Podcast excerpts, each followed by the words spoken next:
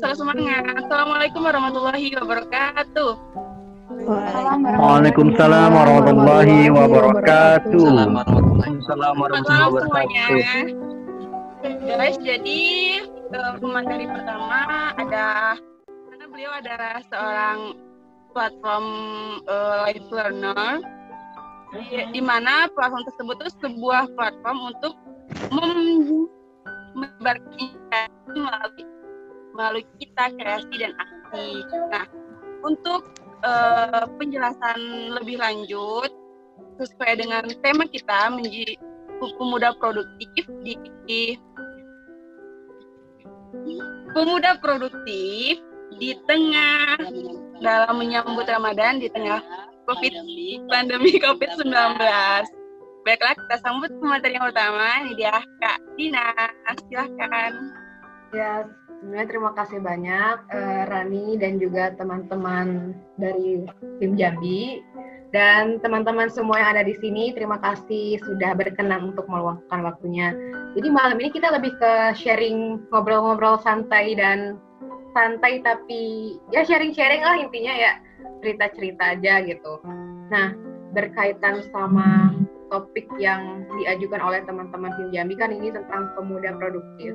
Cuman di sini disclaimer aja, saya juga personally masih masih belajar sih lebih tepatnya masih belajar bagaimana menjadi uh, pemuda yang produktif sendiri karena ya cukup challenging sih teman-teman dalam aplikasi untuk menjadi produktif itu karena dalam perjalanan itu ada aja challenge-challenge yang kita temukan. Cuman ya as long as kita pengen belajar ya, ayo kita sama-sama untuk belajar how to be a productive uh, young youngster pemuda maksudnya. Ini kita masuk aja ke PPT ya. Jadi aku tadi udah share ke Rani sih. Mungkin kalau ada grup film Jambi atau bisa di share di sini boleh di share sih Ran PDF-nya Iya, tadi. iya. Oke. Nah, jadi ya ini Guys, boleh dilihat dalam grup ya. Oke. Ya, kita mulai ya. Oke, bismillahirrahmanirrahim.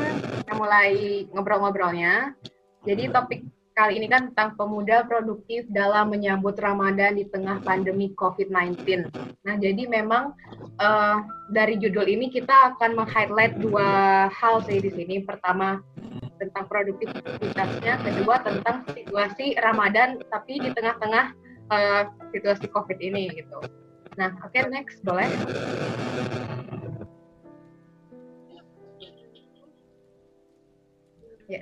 Next. Nah, terus em, yang tadi aja.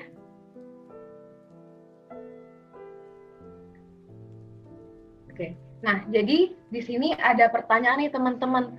Sebenarnya apa sih yang menjadi kesamaan di antara kita semua gitu kan?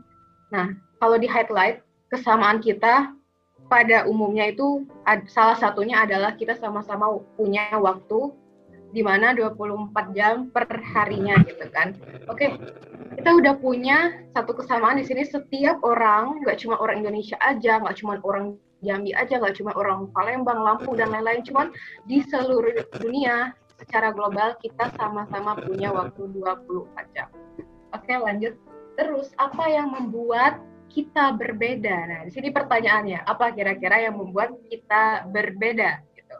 Nah, di sini eh, saya coba mencari benang merah secara umum ada tiga hal yang membuat kita beda antara satu sama lain. Apa itu? Pertama, niat dasar atau kayak landasan yang kita kerjakan.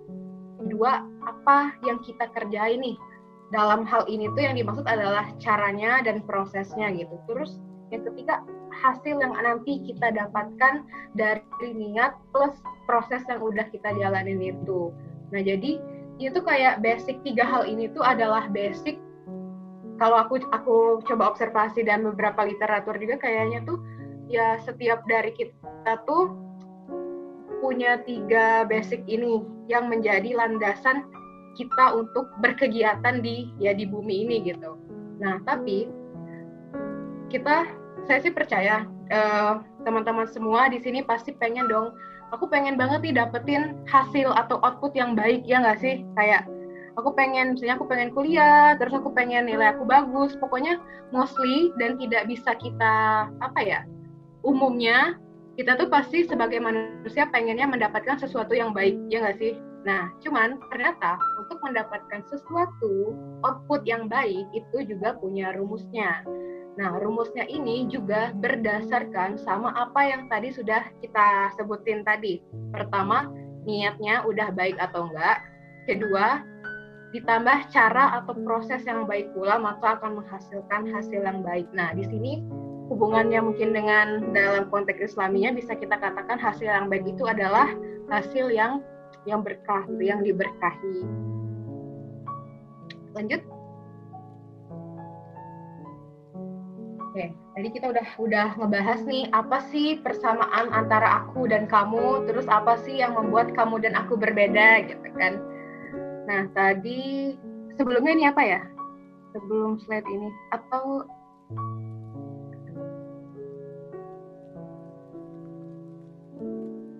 atau boleh dari aku nggak share screen-nya?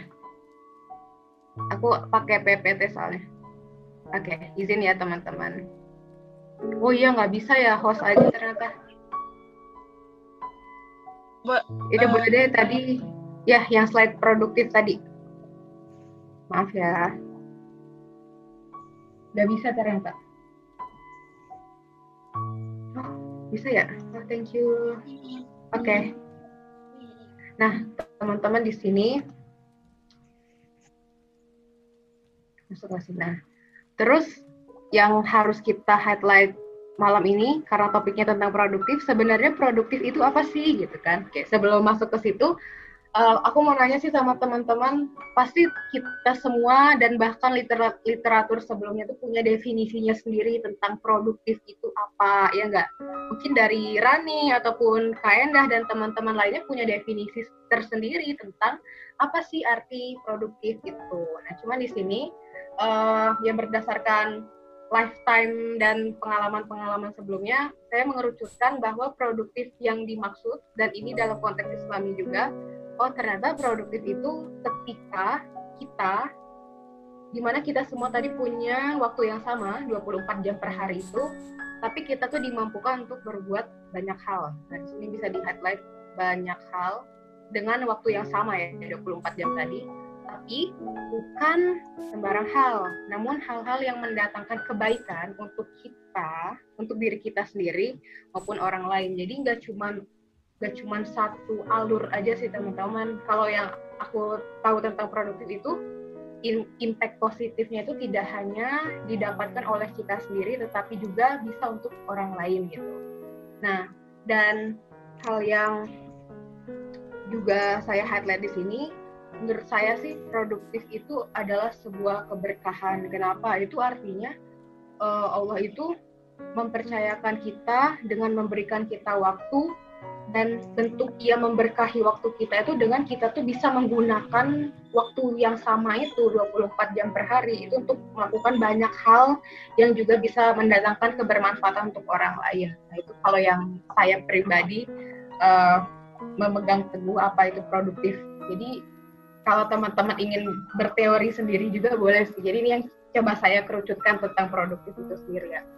Nah terus tapi tapi sayangnya Nah, ini kan berkaitan juga sama COVID-19. Maksudnya semua orang di seluruh dunia saat ini tuh dihadapkan dengan situasi yang sama, yaitu situasi pandemi yang gimana akses kita tuh sangat-sangat terbatas sekali, sehingga situasi seperti ini pun mem mempengaruhi produktif kita masing-masing. Dan yang harus teman-teman uh, ketahui juga bahwa standar produktif kita itu berbeda. Maksudnya jangan jangan sampai gini karena ada case, ada kasusnya gini.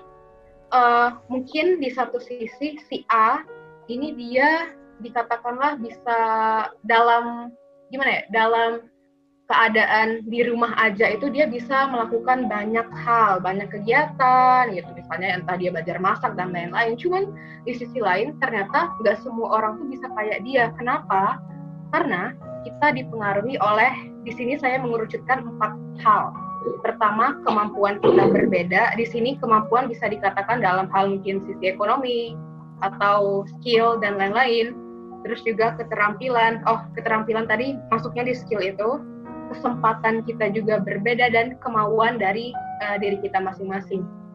Nah, kenapa saya di sini bilang, oh standar produktif orang tuh berbeda-beda karena jangan sampai uh, bisa dikatakan mentang-mentang sekarang tuh lagi banyak waktu luang, terus kalian menjadikan uh, situasi ini tuh sebagai perlombaan untuk menjadi orang yang produktif. Enggak nggak seambis itu juga sih sebenarnya. Yang penting kayak produktif uh, sesuai dengan peran kita masing-masing, sesuai dengan kemampuan kita, sesuai dengan keterampilan kita. Jangan sampai terlalu memaksakan juga karena in case kan sekarang kalau kita lihat dari data uh, kasus COVID-19 ini kan cukup banyak ya di Indonesia sudah mencapai angka 5.000 sekian dan untuk kita yang beruntung yang alhamdulillah masih diberikan kesehatan, wah kita sangat senang banget bisa melakukan apa pun yang kita inginkan, bisa ya berproduktif ria. Tapi di, di sisi lain kita lihat kesempatan nih, poin kesempatan. Apakah di luar sana orang sama kayak kita? Kan belum tentu gitu. Jadi uh, yang ingin saya tekankan intinya produktiflah uh, berdasarkan empat hal ini dan yang harus kita tanamin jangan jadikan produktif ini tuh sebagai perlombaan. Jadi kayak ya be yourself juga. Oke. Okay. nah ini juga relate sama topik sebelumnya tentang produktif itu. Kenapa kita nggak bisa menyamakan maksudnya standar kita antara orang tuh beda-beda? Kenapa? Karena setiap dari kita itu pasti punya perannya masing-masing baik laki-laki maupun perempuan kita tuh punya tugas yang sama punya perannya punya tugas yang sama tapi peran kita berbeda-beda. Misalnya uh, Kak Endah ya, Kak Endah itu kalau saya lihat kayaknya suka nulis deh gitu kan, suka menulis-nulis hal-hal yang menggugah emosi dan jiwa gitu.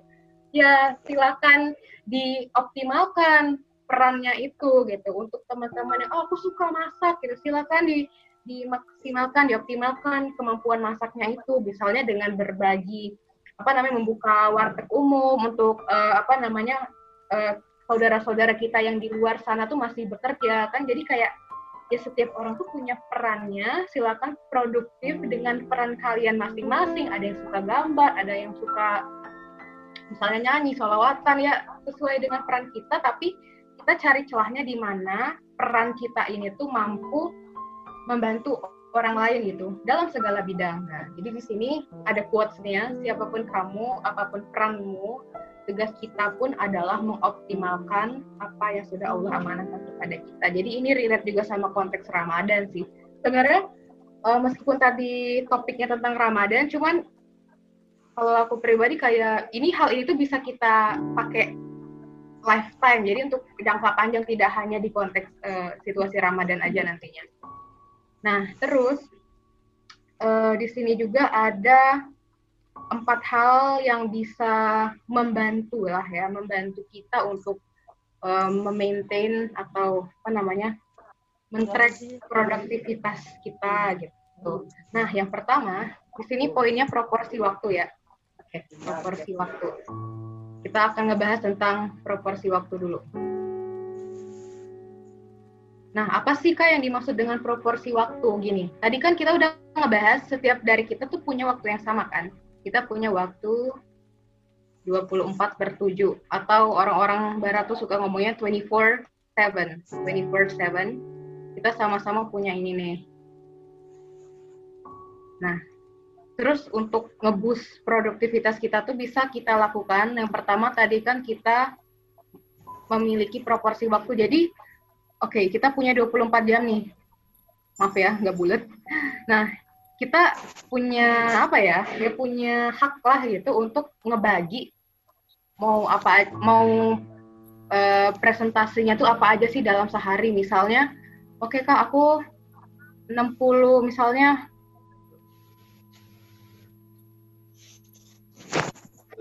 misalnya ini berapa nih misalnya 60 lah ya 60% dari 24 jamku pengen aku lakukan untuk menambah skill baru misalnya. Skill. Terus sisanya duh aku pengen tidur nih, pokoknya tidur segini nih. Misalnya anggaplah 35 lah ya. 35 35 untuk istirahat, rebahan dan lain-lain gitu. Terus misalnya berapa persen lagi untuk misalnya ini untuk baca buku dan sisanya untuk ya untuk lain-lain. Nah, cuman di sini karena kita berkonteks Islami juga untuk Ramadan, nggak cuma Ramadan juga sih untuk ya seumur hidup kita juga. Nah, di sini meskipun kita sudah punya presentase yang kita buat sendiri untuk um, 60% untuk apa, 20% untuk apa, sekian persen untuk apa, tapi di sini jangan lupa teman-teman aspek spiritualnya tetap satu lingkaran penuh. Artinya adalah meskipun kita sudah membagi proporsi waktu doing something hal yang duniawi itu, yang namanya aspek spiritual, insya Allah semoga tetap berjalan lah gitu. Tidak putus, maksudnya tidak dipersentasekan itu harus tetap kita jalankan gitu. Nah, dan syukurnya di zaman canggih ini ya, era digitalisasi ini tuh banyak banget kan apa kayak platform-platform yang bisa membantu kita untuk uh, dikatakan menggugah istiqomahan kita dalam uh, berbuat kebaikan. Misalnya untuk teman-teman yang tahu platform Kui Tahajud, nah itu tuh jadi kayak suatu platform yang ayo teman-teman kita tahajud bareng gitu. Ada grupnya juga gitu kan. Mungkin kalian tahu, teman-teman lain juga tahu. Terus juga ada platform uh, ada yang namanya seribu istighfar. Jadi kayak kita tuh laporan setiap hari itu harus bisa istighfar minimal seribu kali gitu. Terus ada juga komunitas uh, Odoj.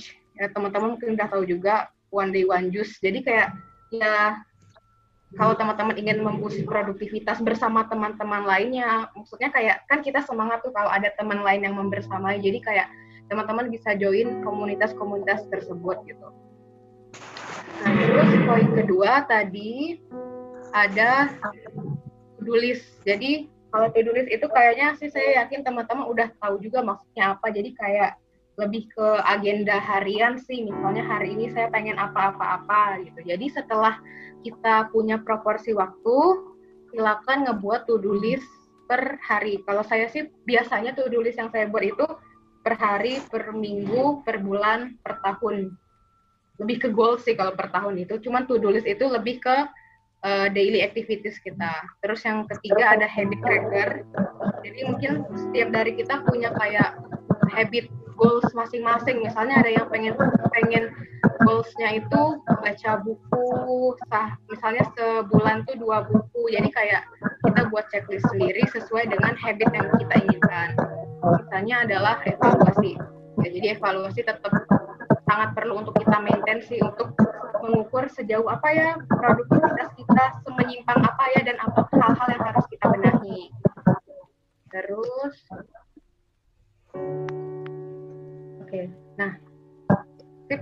Terus ini adalah uh, acuan saya juga yang kalau saya pakai ke mana-mana untuk uh, ayat ini Al-Hasyr 18 jadi teman-teman bisa baca juga di sini. Nah di sini saya highlight tentang memperhatikan apa yang telah diperbuatnya untuk hari. Jadi ayat ini tuh menjelaskan juga tentang pentingnya untuk merencanakan sebagai umat muslim yang percaya akan eh, hal-hal uh, spiritual gitu kan sangat penting untuk kita bisa merencanakan itu akan lebih baik gitu ke depannya dalam aspek apa pun gitu terutama dalam hal Ramadan yang akan kita sambut sebentar lagi teman-teman. Jadi ya harapannya semoga kita mampu merencanakan Ramadan kita sebaik-baiknya karena kita nggak tahu sampai kapan waktu kita di sini. So yuk sama-sama kita saling ya mengingatkan dan saling memperbaiki diri kita. Oke, okay, uh, eh, itu aja sih teman-teman. Mohon maaf karena saya pribadi juga masih belajar di sini, bukan berarti gimana-gimana, cuman kita sharing aja. Dan seandainya ada hal-hal yang ingin kepoin lebih lanjut, boleh uh, mengontak kontak ini. Oke. okay. Oke, terima kasih Nina. Aku balikin ke Nani ya untuk hostnya. Oh ya. Oh ya buat teman-teman yang ingin bertanya tentang masalah program tentang sama Kak Dina ataupun nanti pada Bang Adnan, silakan formatnya kirim kami lewat chat yang ada di sini, oke? Nah, sembari menunggu untuk Bang Adnan yang belum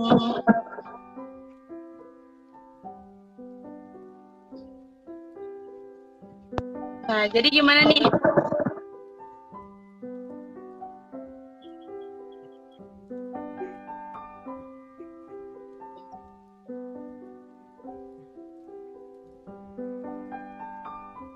Udah ya. Oke, say hello Bang Adnan. Kata Bang Adnan ya. Halo, halo, sorry, sorry. Oke, ini mulai istirahat nih.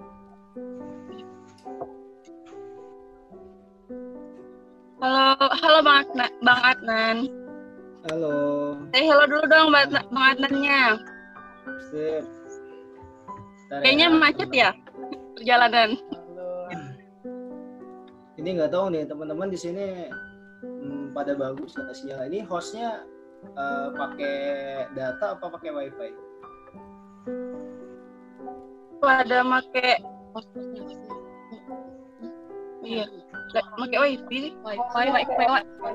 Oke, aman ya. Iya. Ini saya Bang? tadinya mau enggak enggak, soalnya agak macet-macet aja. Oh gitu. Hmm. Iya tadi sih emang pos akhir-akhir emang agak macet kan ya, tapi sekarang udah jelas kok bang. Udah jelas ya. Saya tuh tadi mau nge-share eh, slide, cuma saya lupa kok taruh di mana ya slide-nya. Ya udah nggak usah, kita pakai screen screen aja ntar. Ya, ini ready nih? Bagaimana? Nah, nah, kan kalau kayak gini lebih jelas bang. Ini saya saya matiin dulu ya. Nah, Ih. sip, sip. Oke, em, ini gimana nih? Ice breaking dulu kah? Eh, ada MC-nya dulu? Eh, udah dimulai dari tadi bang, boleh perkenalan dulu boleh, langsung itu juga boleh. Bentar ya, ini anak saya minta sticky notes. Bentar.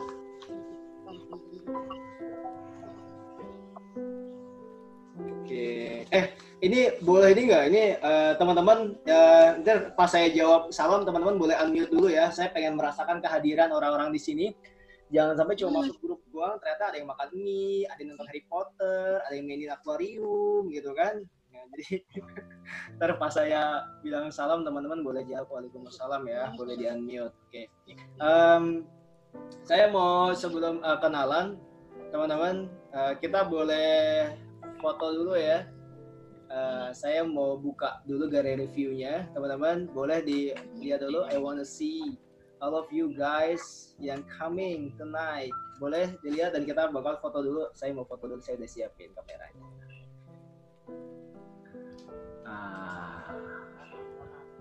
Oke, nampak sip. Masya Allah ini dari mana aja ini jauh. Ada yang ini dari Jambi semua ini. Dari Jambi semua. Oke, satu Enggak duanya semuanya lain bang mana? ada yang ada Jambi. Oke, Sandi, Umar, Sidki, Zahra, Teguh, Ojin, ah, Begawan belum kelihatan ya. Oke, yang ada aja dulu. Oke, lihat di kamera guys. Satu, dua. Oke, sip.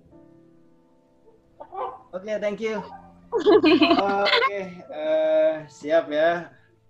Eh, wah, ini baru muncul nih Sandi Begawan. Gak apa. Eh, eh, better kalau memang teman-teman bisa nunjukin videonya, it's good. Karena biar saya benar-benar hadir ada di depan orang.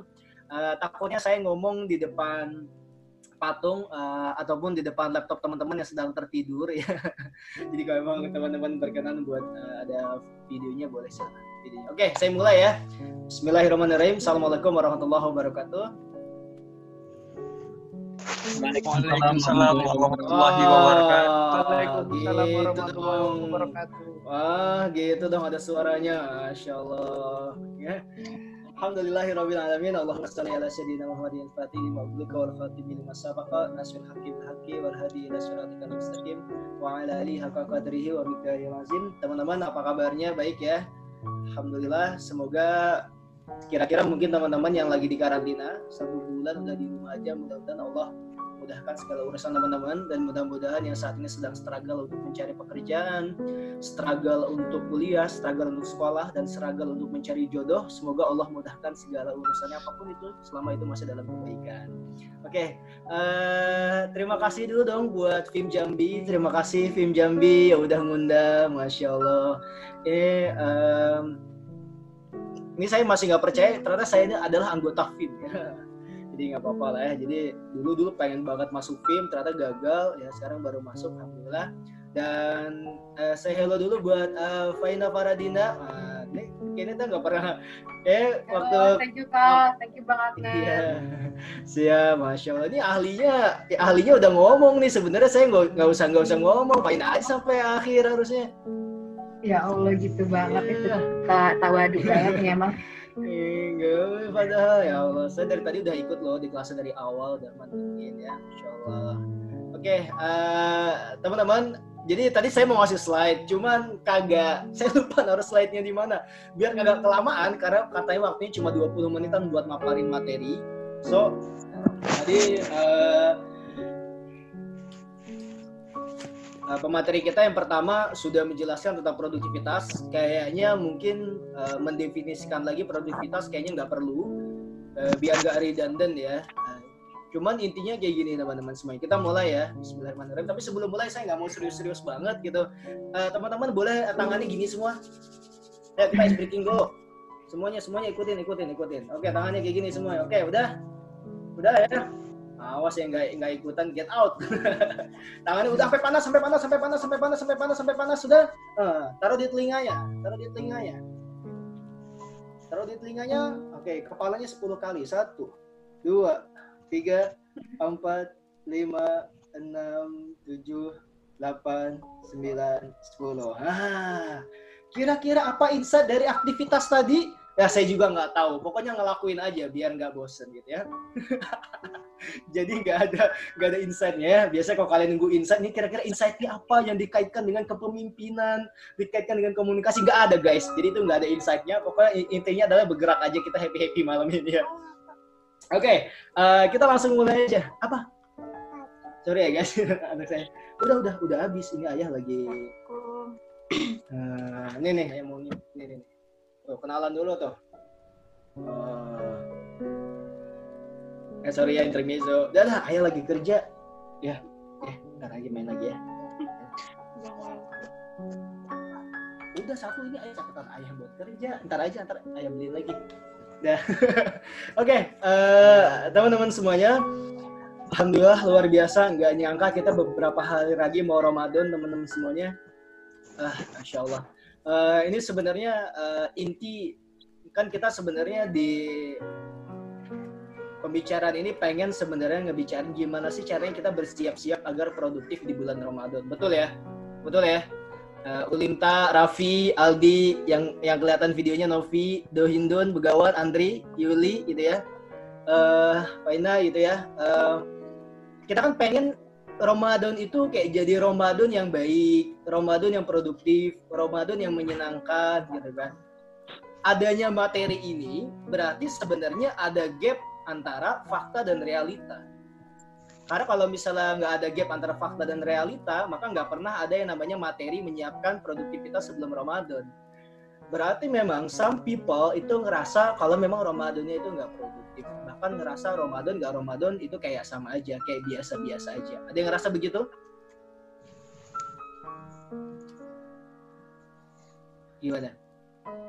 Ah, ini ternyata ini tuh yang bergerak-gerak. Ini ini nggak bergerak gara-gara videonya Lola atau ternyata dia masang screen abis itu pergi. ini kan kayak orang trik-trik jangan sekarang anak-anak sekolah gitu ya. Masang screen kabut cabut gitu. Oke ya. Nah, teman-teman gini. Produktivitas itu di dalam Al-Qur'an eh, di dalam Islam itu adalah hal yang paling penting. Jadi kalau misalnya manusia nggak produktif, itu udah kayak mayat-mayat hidup berjalan di atas muka bumi tanpa tahu dia mau ngapain. Jadi kalau misalnya teman-teman eh, intinya gini aja, ya bang lanjut terus ya nggak bisa lah apa nih? Apa sih? nah, oke saya nggak mau terdistraksi ya, saya tutup lagi eh, message-nya. Nah, gini teman-teman. kalau teman-teman cek sebenarnya makna produktif itu kan kalau umumnya di pabrik itu kalau di pabrik itu kan energi kali waktu. Itu kan ya ya itu kan makna dari pabrik ya. Misalnya teman-teman dalam waktu dua jam bisa menghasilkan 10 unit mobil.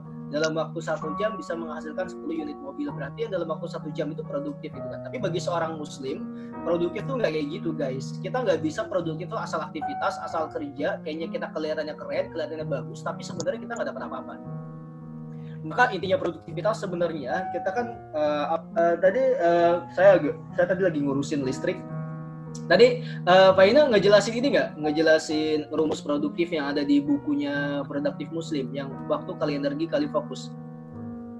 Eh, tadi aku gak? lebih lebih ke ini sih kak, lebih ke produktif ala ala aku gitu. Hmm. Oh tapi nggak? Oh ya, oke. Okay. Berarti saya bantu ya di sini teman-teman ya. ya. Saya bakal share, share share screen di sini.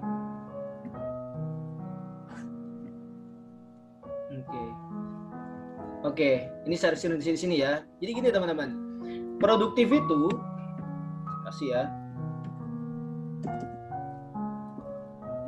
Ah, saya baru ingat kalau ternyata keyboard saya lagi error. Oke, kita pakai ini aja drawing. Oke, produktif itu teman-teman ya, rumusnya adalah waktu. Aduh, hese. Waktu kali. Uh, energi. Kelihatan nggak sih? Misalnya saya pakai ini soalnya pakai mouse. Waktu kali energi kali fokus. Ini teman-teman pahami ini. Ntar Ramadan kita akan bicarakan setelahnya tapi cuman kita harus paham dulu kan aktivitas itu seperti apa. Nih. Ini teman-teman sama dengan produktif. Oke ya kita cek Oke. Oi, naon itu? Kita tegak bersambung segala udah lama nggak pakai tegak bersambung eh. Ah, oke. Okay. Dia memang ya. Jadi gini, produktif itu teman-teman yang umumnya sering banget dipahami ya udah kalau misal kita menggunakan waktu seefisien mungkin dengan energi se sebagus mungkin maka kita dikatakan produktif padahal enggak contohnya gini, tadi saya bilang, contohnya teman-teman menghafal bahasa Inggris, energi ya, energi adalah menghafal kosakata bahasa Inggris. Waktunya adalah dalam waktu 10 menit. Saya menghafal 100 kosakata bahasa Inggris dalam waktu 10 menit. Bandingkan dengan saya menghafal 100 kosakata bahasa Inggris dalam waktu 30 menit. Kira-kira mana yang lebih produktif? Yang 10 menit kan? Oke. Okay. Kira-kira kalau misal teman-teman melihat ada seseorang yang setiap harinya dia itu menghafal 100 kosakata bahasa Inggris dalam waktu 10 menit. Kira-kira menurut teman-teman orang itu produktif atau enggak? Orang-orang memahaminya yaitu produktif. Gitu kan? Tapi dia dapat hasil atau enggak, dapat manfaat atau enggak, enggak tahu. Yang penting kayaknya kelihatannya produktif, kelihatannya kayaknya beraktivitas, kelihatannya kayaknya keren. Tapi ketika ditanya sebenarnya apa yang kamu dapatkan, apa sih tujuanmu dari kamu melakukan sebuah aktivitas ngafalin kosakata ya apa ya pokoknya ngafalin aja biar bisa jago bahasa Inggris. Kenapa kamu harus bisa jago bahasa Inggris? Uh, ya biar, biar bisa ngomong sama orang bule. Kenapa kamu harus ngomong sama orang bule? Emang apa pentingnya ngomong sama orang bule? Ya yang nggak tahu deh pokoknya ntar ntar juga lama-lama kepake. Ada yang kayak gitu kita itu sering terjebak teman-teman sama aktivitas yang sebenarnya sering kali itu kita tidak tidak tahu dapat manfaat apa dari situ. Kita nggak ada fokusnya. Fokus itu teman-teman, yang pertama ini betul tadi uh, ada niat ya dari Pak Indra kan bilang ada niat. Oke, okay. fokus itu niat. Pertama, ini harus ini harus clear dulu sebelum kita masuk ke pembahasan Ramadan. Pertama, fokus itu ada niat. Setelah niat, teman-teman harus tahu dulu goalsnya apa, tujuan ini kita harus paham ini. Ini dudukan yang sangat sederhana tapi ini penting banget buat anak-anak muda zaman sekarang. Karena kenapa? Kita ini guys sering banget terdistraksi sama informasi-informasi yang banyak banget masuk ke dalam kepala kita. Oke sekarang coba teman-teman scrolling Instagram sekarang. Hah? berapa banyak informasi yang kita dapetin mulai akun gosip mulai uh, receh mulai politik mulai kajian uh, mulai tiba-tiba teman ada yang nge-share dia nikah ada yang selesai skripsi apa banyak banget gitu kan jadi banyak banget informasi masuk ke dalam kepala kita kalau kita tidak antisipasi akhirnya tidak fokus sama sesuatu, akhirnya kita menjadi orang yang bingung. Seakan-akan produktif, sebenarnya enggak, tapi orangnya sibuk. So, produktif itu kita harus ngerti fokusnya apa. Jadi bukan cuma ngandelin uh, efisiensi waktu sama berapa banyak energinya, tapi kagak tahu fokusnya apa. Sekarang saya uh, analogikan lagi kayak gini teman-teman. Ada orang olahraga, orang olahraga ini uh, ada anak muda usia 25 tahun, dia olahraga lari setiap hari. Dia produktif gak kira-kira? Ada yang punya pendapat? Setiap hari terdengar produktif. Terdengar produktif ya, yeah. terlihat produktif gitu ya Pak ya. Terdengar, terlihat dan terasa produktif, tapi nggak itu terasa buat kita ya, tapi nggak tahu buat dia. Sekarang kita tanya aja, ditanya dulu kenapa kamu harus lari pagi? Gitu. Pertama dia bisa jawab, oh ya jaga kesehatan. Jaga kesehatan kira-kira udah fokus apa belum kira-kira? Itu belum spesifik teman-teman yang namanya satu paket waktu energi kali fokus itu akan menentukan bagaimana seseorang mengeksekusi sebuah aktivitas. Contohnya ya, uh, setiap jam 7 waktu ya, dia lari pagi energi. Oke, pertama dia nggak tahu kenapa dia harus lari pagi, pokoknya asal sehat aja tapi dia nggak betul-betul mengerti kenapa dia harus lari, kenapa aktivitasnya bukan barbelan aja, kenapa aktivitasnya adalah bukan bukan berenang, kenapa aktivitasnya itu bukan uh, main volley, main badminton, kenapa harus lari? Dia sendiri bisa jadi nggak tahu apa efek dari berlari, efek untuk kakinya, efek untuk tubuhnya. Nah itu yang paling bahaya teman-teman. Karena kenapa? Yang pertama kita nggak fokus, kita nggak betul-betul mengerti sebenarnya yang kita kerjakan ini untuk apa seorang muslim yang produktif selain niatnya beraktivitas karena Allah, dia harus betul-betul mengerti karena apa yang dia kerjakan akan dimintai pertanggungjawabannya oleh Allah. Itu kalau misalnya dalam uh, tahap dimasukkan ke dalam konsep keislaman. Tapi kalau misalnya pemahaman umumnya, ini orang lari buat apa?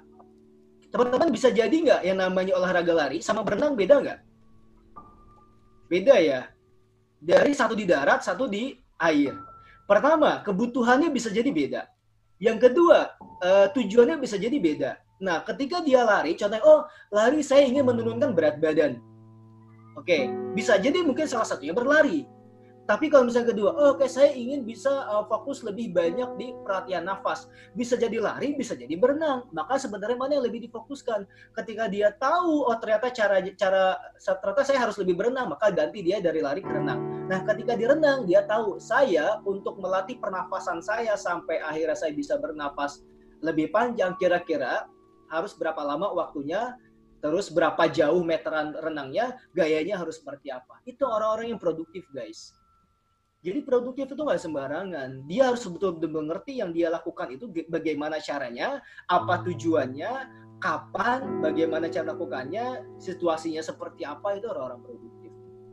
Nah, teman-teman semuanya sampai sini clear ya pemahaman tentang produktivitas. Jadi kita bisa lakukan setiap hari. Bisa jadi kita baca buku tapi nggak produktif sebenarnya.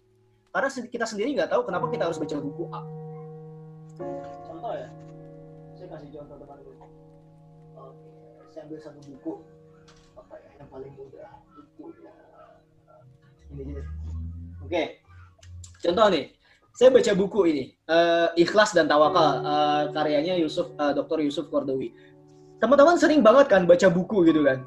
Ada kebiasaan yang sering baca buku kayaknya orang kok orang tuh kalau kelihatan baca buku kayaknya nampak keren nampak mantap uh, nampak berilmu, uh, nampak cerdas gitu kan, nampak rupawan kalau dia baca buku. Tapi ketika ditanya, kenapa harus baca buku A? Emang tujuannya buat apa baca buku ini? Kalau ya asal buku asal baca buku aja sih buat nambah-nambah ilmu, nah itu kurang produktif teman-teman.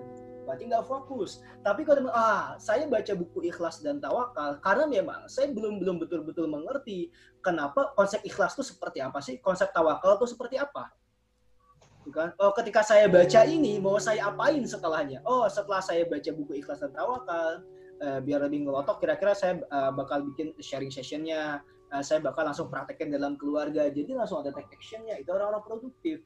Jadi dia bukan hanya melakukan sebuah aktivitas yang kelihatannya bagus, tapi sebenarnya nggak tahu ini buat apa. Tapi dia betul-betul mengerti hulu ke hilirnya. Di bagaimanakan dan kira-kira indikator keberhasilan dari setiap aktivitasnya itu apa dia mengerti. Nah, tantangan buat kita teman-teman, anak-anak muda semuanya adalah karena memang ini kita ini terlalu banyak informasi masuk ke dalam kepala. Betul ya? Kita ini terlalu banyak nonton uh, sosmed, nonton film, banyak banget hal masuk ke dalam kepala. Jadi kita nggak produktif. secara umum. Nah, berbicara tentang Ramadan teman-teman semuanya, ini kita lihat dulu ya pemahamannya. Jadi produktivitas sudah ya. Teman-teman, Ramadan adalah uh, salah satu bulan yang mulia dan Allah sebutkan langsung di situ kalau teman-teman uh, di di Al-Baqarah itu kan wahai orang-orang beriman telah ditetapkan atas kamu berpuasa oke okay, seperti orang-orang sebelummu ya agar kamu bertakwa. Sebenarnya sebenarnya gini teman-teman. Uh, Ramadan itu kan teman-teman saya lupa di surat mana mungkin teman-teman yang hafiz dan hafizah boleh bantu uh, syahrul ramadan alladzi unzila fihil quran syahrul ramadan oke okay? uh, bulan ramadan diturunkan Al-Qur'an di dalamnya kenapa Allah uh, sebenarnya para sahabat pun ketika turun ayat yang uh, kutiba alaikumusya udah ngerti kok itu memang bulan Ramadan kenapa Allah sebutkan lagi syahrul ramadan karena untuk menekankan ternyata memang bulan Ramadan itu bulan yang spesial teman-teman sekarang cek gini deh. Tahu nggak arti kata Ramadan itu apa? Ada yang tahu arti kata Ramadan? Boleh? Eh, saya mau nanya dong. Aldi, Aldi, Aldi Atmaja. Aldi, Di, Di, tahu apa arti kata Ramadan, Di? Hadir, Kak. Ya, apa ya. arti kata Ramadan, Di? Ramadan itu menurut saya dibagi menjadi tiga kata. Rohnya itu rahmat, semuanya maghfirah dan doanya itu saya lupa artinya jadi itu ada tiga bagian yang pertama itu uh, rahmat itu karena di 10 bulan yang pertama eh 10 hari yang pertama itu kita akan mendapatkan rahmat dari Allah nah di 10 hari yang kedua kita akan mendapatkan ampunan yaitu maghfirah yang ketiga yaitu dibebaskan dari api neraka kak seperti itu kak oke okay, oke okay. thank you Ali itu uh, ya apa namanya uh, bagian dari izin ngomong dong izin ngomong? Iya. Siapa ini? Bang, bisa lihat chat sebentar. Lihat chat. Oh, waduh, HP saya mati. Apa waktunya waktunya udah mau habis ya? Belum, belum. Chat Zoom. Chat Zoom, Bang. Oh, lihat Zoom. Oke, oke, oke. Sorry guys, kita uh, beristirahat dulu sebentar ya. Eh, ini gimana cara ngeliatnya? wait wait ya Ini saya uh, close dulu saya close dulu ya ya eh partisipan di partisipan bang oh dia di partisipan iya iya iya. Um, nah. ya jadi kumaha bang uh, eh iya naon naon? Iya apa apa apa? Kenapa? spotlightnya masih kak Dina nih. Jadi di oh spotlightnya ya. masih kak Dina? Ya mm -mm jadi dari tadi selain share kakak ada kak Dina di sebelah. Gimana? Spotlight. Jadi gimana? Uh, cancel aja kak, di cancel. Siapa di cancel maksudnya? Layar utama kak Dina itu di cancel aja, cancel spotlight. Ada tuh di sebelah kiri, sebelah kiri layarnya kak Dina itu ada itu. Siapa ke ke saya atau ke? Iya. Iya karena Kak Adnan jadi host itu Kak. Oh, saya jadi host. Iya. Oh. Tadi tadi host, tadi nggak sengaja saya, bang. Oh, kok saya dijadiin host sih? Iya tadi tuh kepencet nggak sengaja. Hmm. Ya udah saya jadiin host lagi aja ini regional Jambi atau? Tim Jambi. Iya, tim regional Jambi. Iya iya. Hmm, hmm dah. Oke okay, ya. Oke. Lanjut bang. Nah, ah, intermezzo ini ada-ada aja udah kayak udah kayak intermezzo intermezzo sebelum maghrib. Oke. Okay. Iklan dulu bang. Oke. Okay. Uh, eh, Aldi ya, tadi saya nanggapin uh, buat Aldi. Makasih di uh, buat tanggapannya. Teman-teman kalau misalnya cek kata Ramadan, uh, Ramadan itu dari kata Romado. Romado itu artinya uh, sesuatu yang membakar. Jadi Romado itu sebenarnya arti dalam bahasa Arab itu sesuatu yang membakar. Ramadan ada huruf tanwin di belakangnya itu sesuatu yang sangat sangat sangat membakar. Artinya apa? Membakar di sini teman-teman semuanya, membakar, menghapus segala dosa kita mulai dari akil balik sampai awal mula Ramadan. Gitu ya. Jadi maknanya kita harus paham. Ini yang perlu kita kritisi dari uh, gini ya. Kita sebagai seorang muslim teman-teman, uh, kita harus senang yang namanya tradisi berilmu Kita harus seneng yang namanya mempelajari sebuah definisi. Kita harus seneng yang namanya mempelajari uh, diksi, kata-kata, uh, pemahaman sebuah frase. Kita kita harus paham karena kenapa? Biar kita ngerti maknanya itu apa. Contohnya gini. Saya nyalonin jadi ketua BEM contohnya ya dulu waktu saya kuliah gitu ya katakanlah saya nyalonin jadi ketua BEM terus saya bilang kayak gini ke teman-teman semuanya hey pilih saya dong slogan saya saya orangnya dedikatif integritas dan jujur kira-kira teman-teman ngerti nggak apa arti katanya integritas?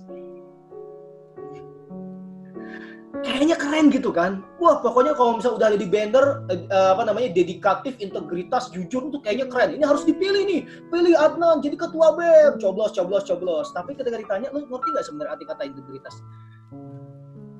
Apa ya? Pokoknya kelihatannya keren bos. Gua gua pilih aja gitu ya. Aku pilih aja udah gitu kan kayaknya kelihatannya keren kata integritas tapi ketika ditanya artinya hmm nggak tahu Nah, makna Ramadan teman-teman, masya Allah, la haula wala quwata illa billah. Jangan sampai kita sudah berpuluh tahun hidup, tapi baru tahu ternyata makna Ramadan diambil dari kata Ramadan artinya membakar atau mengampuni sampai seampun-ampunnya. Jadi bayangin teman-teman semuanya, bulan Ramadan ini bulan yang luar biasa. Teman-teman lihat ya, teman-teman lihat. Ini ini kata kunci ya. Kita sering banget nggak uh, apa namanya uh, mengalami kesulitan dalam hidup. Kita sering uh, punya masalah kayaknya nggak selesai selesai kok masalah datang nggak nggak apa namanya nggak muncul lagi. Uh, sorry nggak ada solusinya.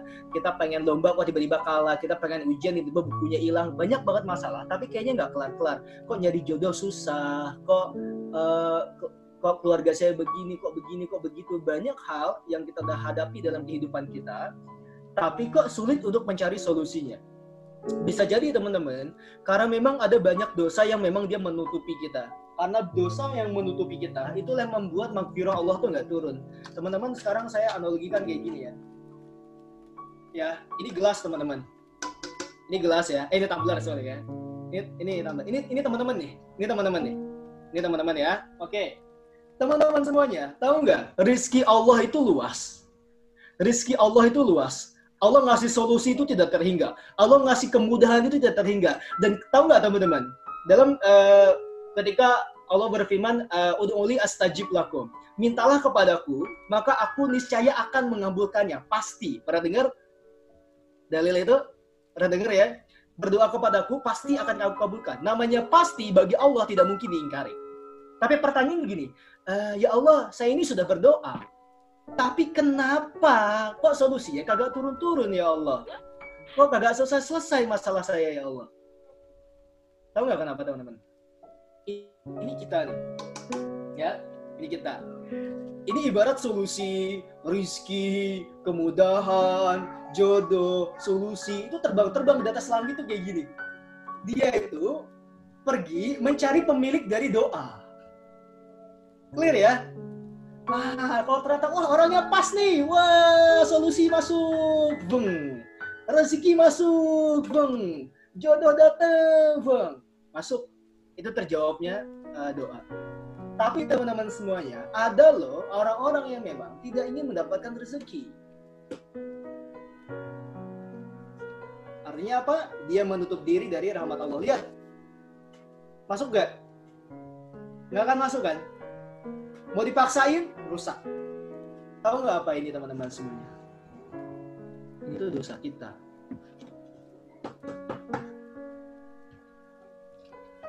Ini tuh dosa kita yang tadi. Kita pengen dapat solusi, kita pengen kemudahan, tapi dosa kita banyak. Gitu. Dan Ramadan adalah bulan yang luar biasa banget.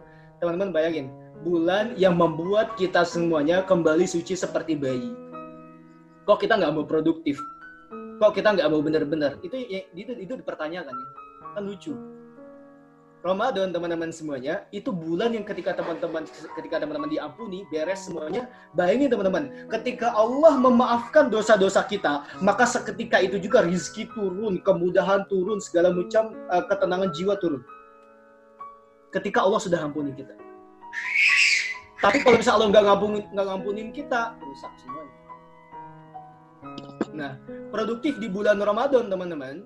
Produktif di bulan Ramadan itu, kita nggak bisa tiba-tiba langsung kayak gini. Kita nggak bisa, kita langsung makna ke produktifnya aja ya.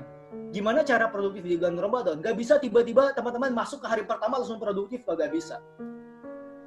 Mumpung belum terlambat sebenarnya, masih ada sekitar lima hari, empat lima hari lagi, adalah mulai dari sekarang teman-teman, bangun produktivitas sebelum masuknya bulan Ramadan. Sebenarnya teman-teman, ketika dua bulan uh, Rojab, Syakban, Ramadan, Rojab itu kalau kata ustadz saya, Rojab adalah bulannya sholat. Jadi bayangin teman-teman, yang namanya produktif itu, itu kan nggak bisa langsung. Teman-teman, teman-teman pengen ngomong lancar di depan umum, bisa nggak tiba-tiba nggak pernah belajar langsung bisa ngomong di depan umum, bisa nggak? Nggak bisa kan guys? Teman-teman yang suka main gitar, tiba-tiba bisa nggak langsung main gitar dalam waktu satu hari? Nggak bisa, pasti latihan dulu, pasti lelah dulu, pasti uh, tangannya tuh rusak dulu gitu. Begitupun Ramadan teman-teman. Ketika kita pengen produktif di Ramadan, pengen asik di Ramadan, pengen nikmat ngejalanin Ramadan, maka harus ya sehari hari-hari sebelumnya itu harus betul-betul memahami bagaimana sikap saya masuk ke bulan Ramadan. So, ketika sebenarnya masuk ke bulan Rajab, itu benar-benar sholatnya itu diperbaikin. Yang azan, jangan telat, ya kan, sunahnya dipakai. Masuk ke bulan Syakban sebenarnya, itu masuk ke demen uh, bulannya puasa. Jadi latihan puasa itu bukan pas Ramadan, teman pas bulan Syakban.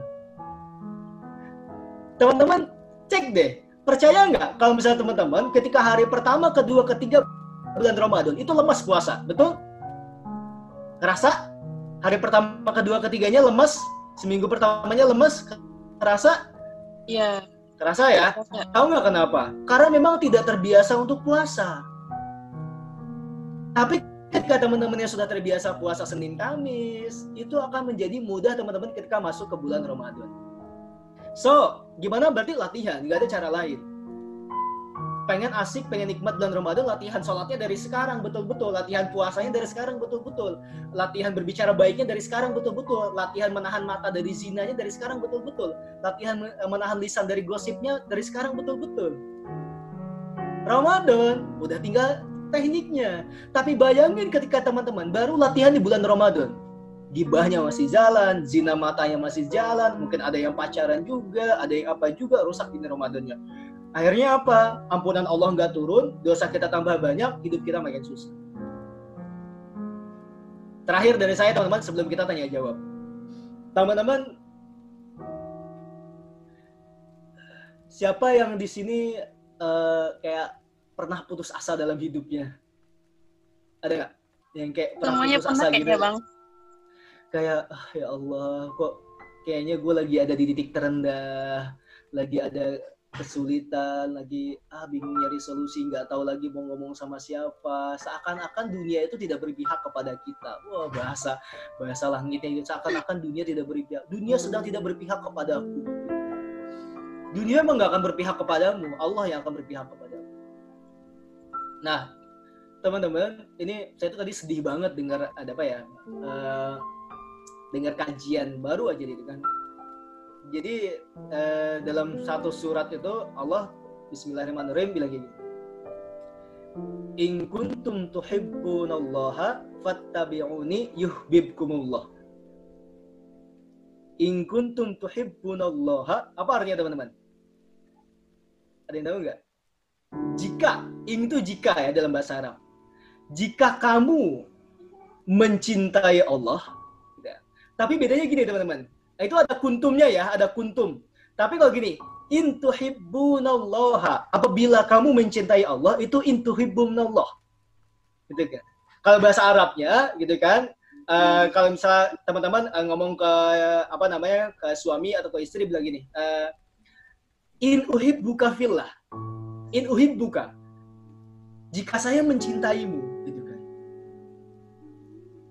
tapi teman-teman, lihat teman-teman, ketika Allah bilang dalam Al-Quran itu, bukan intuhibbunallah, tapi in kuntum tuhibbunallaha. Kata kuntum di situ teman-teman semuanya adalah sebuah penekanan. Artinya apa coba in kuntum tuhibbunallaha? Jika kamu in kuntum benar-benar sungguh-sungguh mencintai Allah, fattabi'uni. Katakanlah Muhammad, Qul ya Muhammad in kuntum tuhibbunallaha fattabi'uni. Apabila kamu benar-benar mencintai Allah, maka ikutilah Rasulullah SAW, maka aku akan mencintai dia. Lihat teman-teman semuanya. Tahu nggak kenapa kok Allah pakai frasa jika kamu benar-benar? Karena memang ada yang ngerasa cinta sama Allah, tapi perilakunya nggak cinta sama Allah. Sekarang saya saya tanya pribadi sama teman-teman semuanya, sama kita semuanya. Teman-teman cinta nggak sama Allah?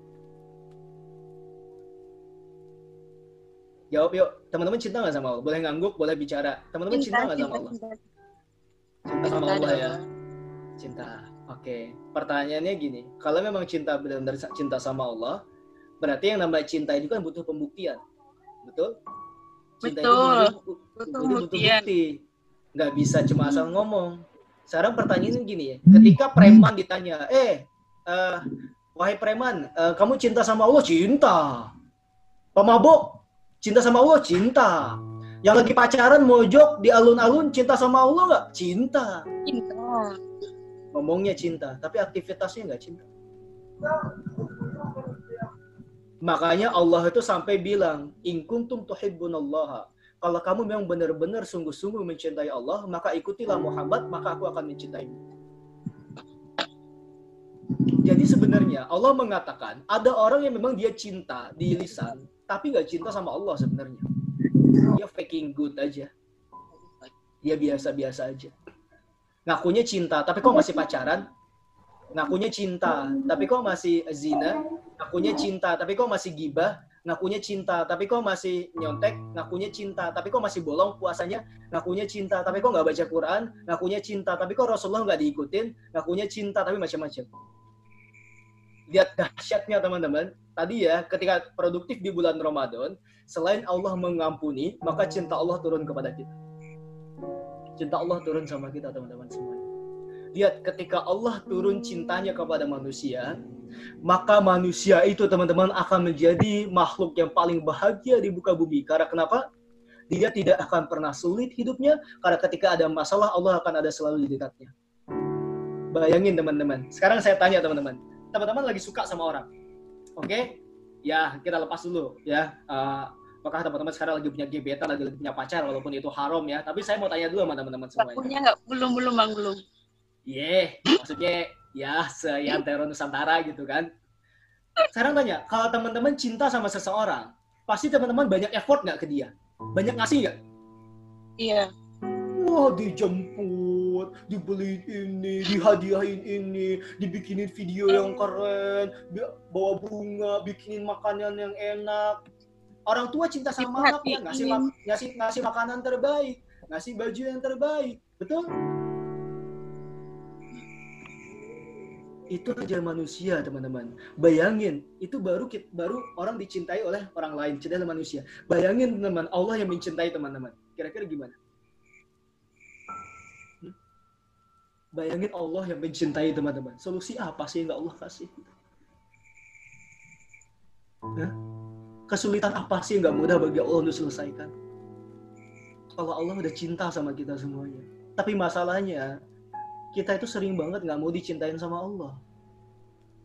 Betul? Allah cinta sama kita, tapi kita nggak mau mencintai Allah. Kurang ajar nggak kita sebenarnya? Tapi Allah masih tetap cinta. Toh bukti masih hidup sekarang. Gitu kan? Luar biasa. Saya agak berat kalau bahas-bahas beginian ya. Cuman itu teman-teman artinya. Bayangin teman-teman, Allah itu yang memegang jiwa kita. Ini ya, satu, dua, tiga, semua orang di sini adalah Allah yang pegang jiwanya, Allah yang pegang rezekinya, Allah yang pegang jodohnya, Allah yang pegang mautnya. Bayangin teman-teman, ada sebuah zat yang bisa menentukan kita hidup dan mati, kita rezekinya sulit dan susah. Ketika zat itu teman-teman semuanya mencintai kita, apa yang apa yang apa sih yang masih sulit bagi kita?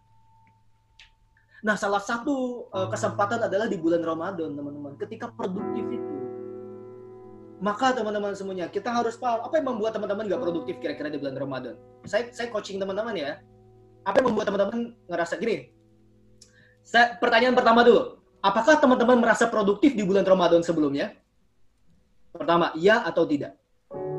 Kalau teman-teman merasa merasa nggak produktif, sholatnya bolong-bolong, puasanya biasa aja, nggak banyak ngajinya, khatam juga enggak, segala macam. Pertanyaannya kedua adalah, apa yang membuatmu tidak produktif? Menurutmu kira-kira apa membuatmu tidak produktif? Coba di list. Pertama, oh HP. Yang kedua, oh kebanyakan makan. Yang ketiga, oh uh, malas-malasan, banyak yang tidur. Oh, oh, oh itu ya udah jangan dilakukan. Oke, yang ketiga paling terakhir. Apa yang membuatmu paling tidak membuat produktif ketika Ramadan? Apa yang membuatmu paling tidak produktif ketika Ramadan? Ada yang bisa jawab? Eh, Apa yang membuatmu paling ya? tidak produktif ketika Ramadan? Apa? kayak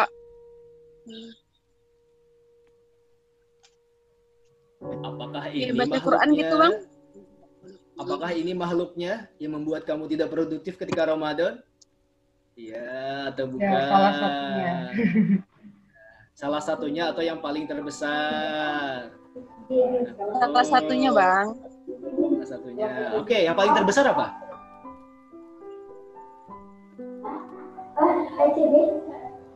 Tidur banyakan.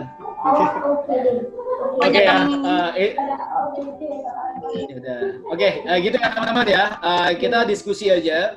Tapi pemahamannya kayak gitu teman-teman semuanya. Jadi bulan Ramadan itu nggak bisa kita asal masuk bulan Ramadan kalau kita nggak biasain. Kita harus biasain dari sekarang. Teman-teman nanti ada waktu untuk eh, puasa hari Senin, puasain Seninnya dari sekarang. Bi- eh, apa namanya mau biasakan Daud, Daudnya dari sekarang. Biasain baca Quran, baca Qurannya dari sekarang. Teman-teman, ketika mata ini udah sering melihat yang baik-baik, maka dia akan benci melihat yang buruk-buruk. Ketika lisan ini sering mengatakan yang baik-baik, maka dia benci mengatakan yang buruk-buruk. Ketika tangan dan kaki ini sering melakukan yang baik-baik, maka dia tidak akan mungkin melakukan yang buruk-buruk. Dia akan benci pada sesuatu yang buruk-buruk. Tapi ketika Ramadan ternyata mata kita masih melihat zina, tangan kita masih berzina, kaki kita masih berzina, hati kita masih berzina, karena percayalah teman-teman semuanya, ternyata memang keseharian kita adalah orang-orang yang banyak bermaksiat. Itu teman-teman, eh wih deh, udah kayak ustadz ya guys ya. Nah, apa-apa, kita diskusi lagi, silakan. Dah, ah host lah, mangga, ah. saya bisa terlalu lama, eh. Malum lah, Pak trainer kasih ini lama. Kita kan boleh, mangga host, eh. Dilanjutkan. Saya off ya. Udah nih, saya off Oke, dulu terima kasih Bang Arnan. Masya Allah, luar biasa sekali pemaparannya. Give A plus dong buat Bang Adnan. Prak, prak, prak, prak, prak, prak. Ah, nah, buat teman-teman yang mau bertanya tentang produktifan yang telah dipaparkan oleh Bang Adnan dan Kak Dina tadi, monggo deh. Oh ya, ini ada pertanyaan pertanyaan masuk satu buat Bang Adnan dan Kak Dina dari Kak Ayu Fitri Ningsi di mana beliau adalah Presiden FIM Jambi tahun 2020. Oh, Nah. presiden. Ada wakilnya? Ya, Presiden. Nah, jadi pertanyaannya, Bang, eh, apa sih versi Bang Adnan dan Kak Dina itu eh, menjadikan hari-hari lebih produktif yang membagi antara akhirat sama duniawi? Bisa nggak Bang kasih contohnya versi Abang dan Kakak masing-masing? Oke. Tidak duluan deh, saya mau belakangan aja. Mengatan Cara dulu.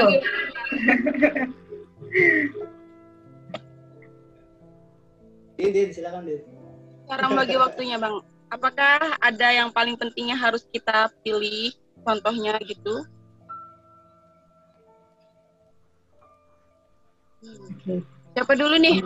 Bang Kak, Kak Dina deh boleh Kak Dina dulu. Oke, terima kasih Kak Ayu, Ibu Presiden. Ya, aku dulu ketemu Kak Ayu juga nih di di Platnas. Oke, Eh, terkait dengan pertanyaan tadi, sebenarnya kalau saya pribadi lebih relate sama yang tadi saya share tentang proporsi itu tadi sih, yang di sini kita semua sama-sama punya waktu yang sama, Nah, dalam hal duniawi sih kita bisa memproporsikan persentase, oke kegiatan ini sekian persen, ini sekian persen, cuman ada satu hal yang tidak boleh putus sih, maksudnya yang sejauh apa pun, sebanyak apa pun persentase duniawi yang kita buat, lingkaran ini, ling- lingkaran spiritual ini tidak boleh putus, intinya selama kita berkegiatan, dimulai dari awal aja kayak niat yang kita lakukan itu kan, niat karena Allah kan sudah terhitung iba- ibadah juga teman-teman. Nah, terus juga misalnya bisa, jadi kita tuh kayak lebih ke combine, ke kombinasi aja sih aktivitas sehari-hari kita. Misalnya kayak mungkin anak kosan misalnya kayak kita nyapu niatin aja kayaknya kita bersih bersih rumah itu untuk menjaga kebersihan terus juga menjaga kebersihan kenapa harus menjaga kebersihan untuk misalnya dari diri kita dari uh, dari penyakit penyakit yang akan masuk kalau kita nggak menjaga kebersihan kebersihan lingkungan kita gitu. Dan menjaga diri itu kan salah satu anjuran juga kan untuk sebagai muslim harus juga menjaga diri kita menjauhkan dari segala penyakit juga gitu kan.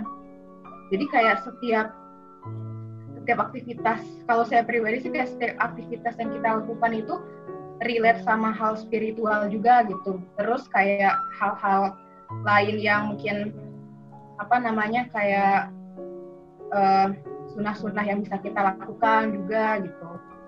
Dan saya sih yakin kayak setiap dari kita juga punya apa ya kalau orang-orang tuh nyebut kayak punya amalan amalan khusus atau amalan tersendiri. Cuman pada umumnya adalah ya selama kita masih bisa beraktivitas lingkaran yang spiritual tadi itu jangan sampai putus sih mungkin selanjutnya lebih lengkapnya dengan Bang Adnan tuh Oke, terima kasih. Nah, Bang Adnan boleh? Versi Bang Adnan nih gimana nih? Versi udah kayak buku aja. um, pertama, uh, terima kasih buat Bu Presiden buat pertanyaannya. Dan pertanyaan pembagian dunia dan akhirat ini kayaknya hampir hampir banyak orang ngomongin tentang pembagian dunia dan akhirat. Cuman um, sepanjang yang saya pelajari, mohon maaf kalau misalnya saya uh, kurang mungkin teman-teman ada, ada yang kurang sepakat dengan saya pemahamannya. Jadi gini teman-teman, yang namanya dunia akhirat itu nggak bisa dibagi. Dunia akhirat itu satu kesatuan, nggak bisa kita nggak bisa bilang ini aktivitas dunia, ini aktivitas akhirat nggak bisa. Berarti teman-teman secara tidak langsung bilang ini saya tidak tidak tidak sedang bersama Allah, ya ini saya sedang bersama Allah. Saya ulangi ya. Dunia dan akhirat tidak bisa dipisahkan aktivitasnya. Seakan-akan kalau dipisahkan tuh bilang ini saya sedang saat saya sedang tidak bersama Allah, ya ini saat saya sedang bersama Allah. Berarti ketika dengan dunia saya tidak bersama Allah, ketika akhirat saya sedang bersama Allah. Ngeri nggak sih? Sedangkan teman-teman, setiap aktivitas yang tidak bersama Allah, maka Allah tidak akan catat itu sebagai balasan untuk kita di akhirat nanti. Jadi dunia dan akhirat itu, jadi gini teman-teman, mendudukannya mendudukannya gini. Dunia itu adalah tempat kita tinggal untuk menuju ke akhirat. Clear ya? Maka dunia dan akhirat tidak bisa dipisahkan. Maka aktivitas-aktivitas yang ada dunia di dunia orientasinya harus selalu ke akhirat.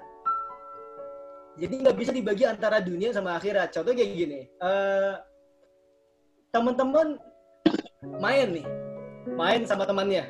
Oke okay ya, lagi main. Oh ini aktivitas dunia nih, lagi main nih, lagi main, lagi ngumpul nongkrong nongkrong. Itu aktivitas dunia tuh. Itu kan, berarti itu nggak ngomongin Allah lah gitu.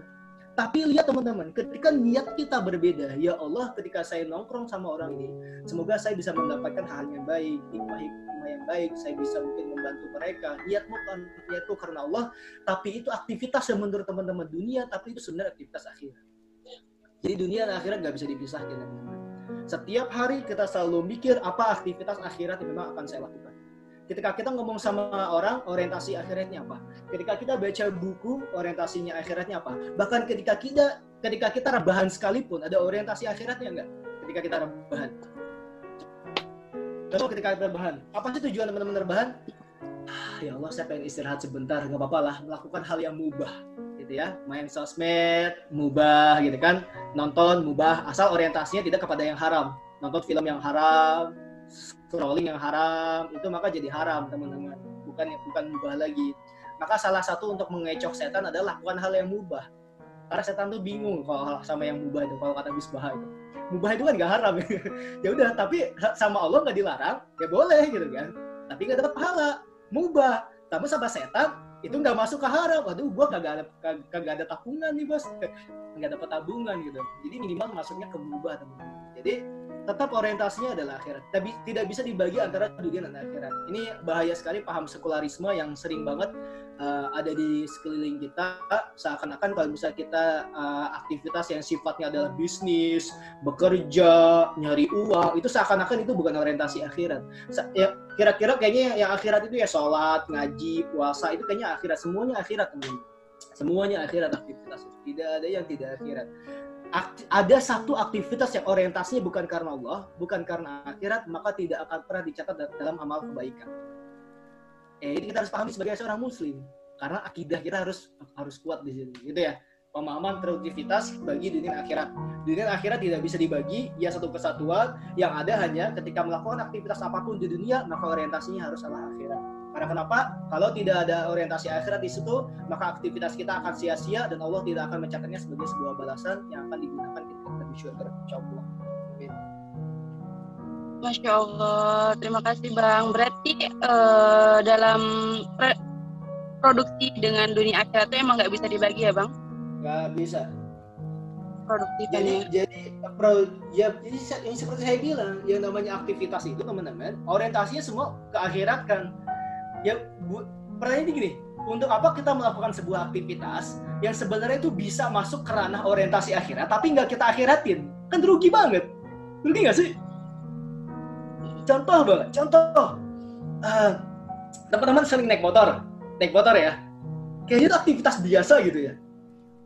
Tapi bayangin teman-teman ketika pertama niat teman-teman naik motor itu untuk apa?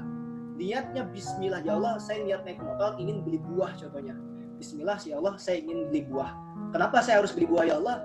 Biar ketika nanti saya beli buah saya lebih sehat. Ketika saya lebih sehat saya bisa lebih banyak bersikir kepadamu, bantu orang lain lebih banyak.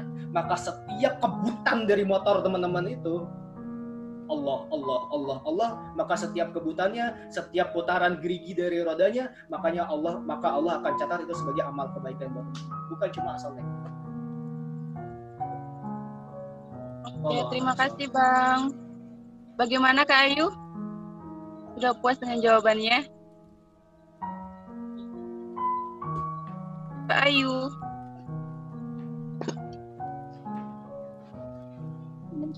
Loh, kayaknya Kak Ayu udah live deh.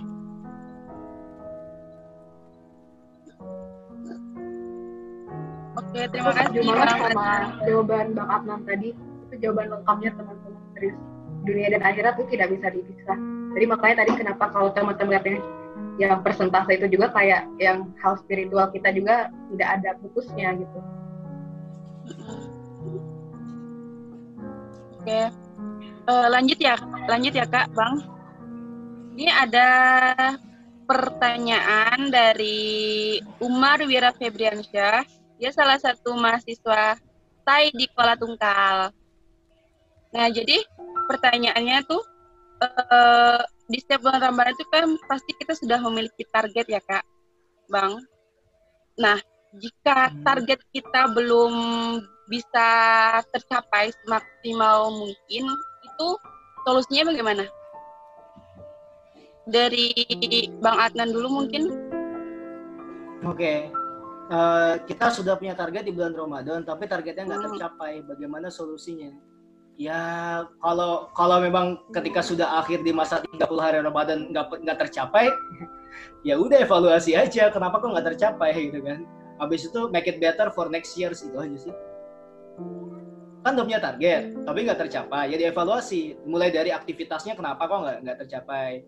Oke, okay, kenapa Jadi diperbaiki nextnya lagi gitu ya bang? Yang nggak yang ada cara lain. Uh, manusia kan selalu berproses. Gini teman-teman, ketika kita sekarang uh, teman-teman yang namanya naik motor, motor itu kan paling bagus itu kalau dipanasin dulu kan, betul ya. Nah, motor itu semakin uh, apa namanya kalau dia motor baru itu harus uh, agak lama. Motor itu entah kenapa lebih enak kalau misalnya motor lama. Teman-teman ngerasa nggak sih? Motor lama tuh lebih enak dipakainya. Ya kan daripada motor yang baru karena teman-teman sudah terbiasa di motor itu. Nah, motor itu pasti mengalami banyak kesalahan teman-teman kena gajuluk eh kena kena batu lah, keserempet lah, apalah. Nah, karena keserempetnya, kena hujan, dingin segala macam. Nah, akhirnya motor itu jadi tangguh. Nah, itu ibarat kita teman-teman. yang namanya ketika kita memang sudah punya niat baik dijalankan dengan baik ternyata nggak tercapai ya sudah kembalikan lagi kepada Allah ya Allah apa eh, salah saya apa kekurangan saya diperbaiki jangan akhirnya jadi putus asa dari rahmat Allah kayaknya saya nggak akan mampu produktif dan tahun depan malah jadi nggak puasa nggak gitu juga kayak gitu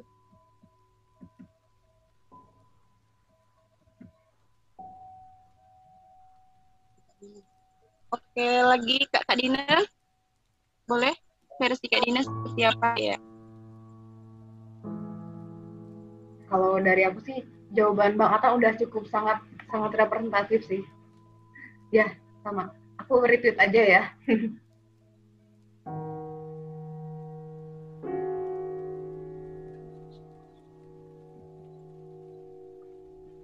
Bagaimana Kak? Udah, itu ada yang salah tuh, ada yang klarifikasi tuh Umar, itu bukan pertanyaan saya, itu pertanyaan Aldi. Wah, Oh, iya. protes tuh sama Umar tuh. Emang. Oh iya.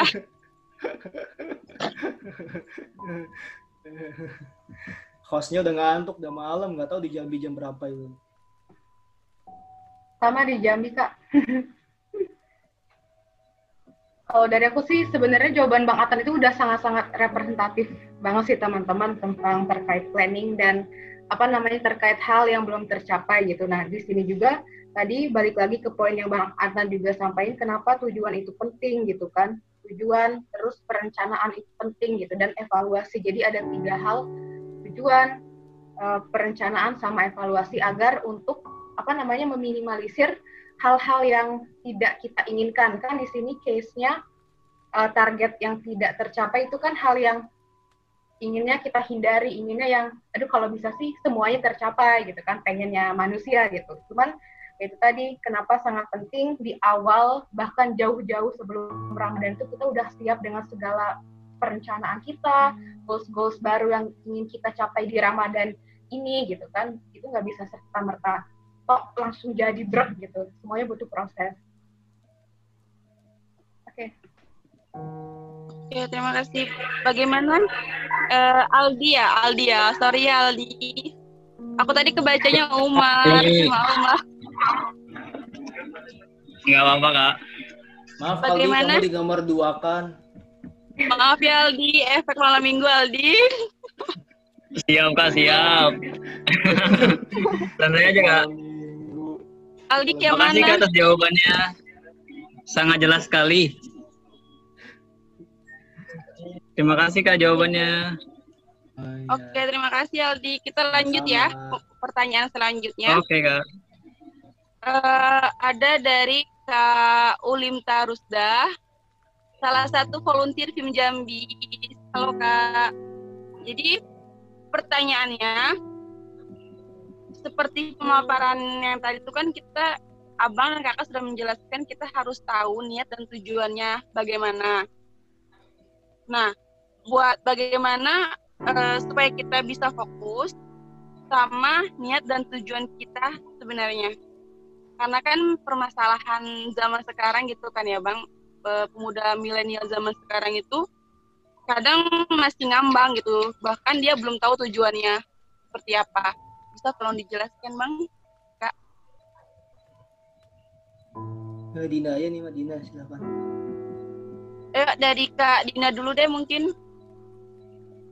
Kalau ini cocoknya Bang Ata nih, serius. Mudah. Oh, gua aja semuanya, Dina. Karena saya masih belajar juga nih dari Bang enggak, Atan. enggak, enggak, Dina, Dina itu. Eh, Nih, saya mau jawab yang ini, yang Umar aja nih, Umar Wira. Kasihan lo, Umar dari tadi udah ngajuin ini pertanyaan nih, host nih, kalau dibaca nih, kasihan nih Umar nih. Apa yang Umar dulu nih tadi? Pokoknya dia setelah Aldi. Sorry ya, Mar ya. Biasa, Mar. Siap lah, siap. mari, hilaf. Siap. bisa buka Eh, chat. Jadi kumaha? Jadi jadi jadi Jadi- gimana ini? jadi gimana Mbak ini? kak kak kak Dina kak Dina Ah, Pertanyaannya yang mana dulu nih? yang kak Olim aja dulu Oh ya, Umar Ulim. nanti ya Mar sabar ya kan Mar kan cowok tuh nggak apa diduain ya bukan diduain dong Tadi, ntar, boleh ulang lagi nggak poinnya tadi? poinnya bagaimana eh, agar kita fokus sama tujuan kita yang sebenarnya.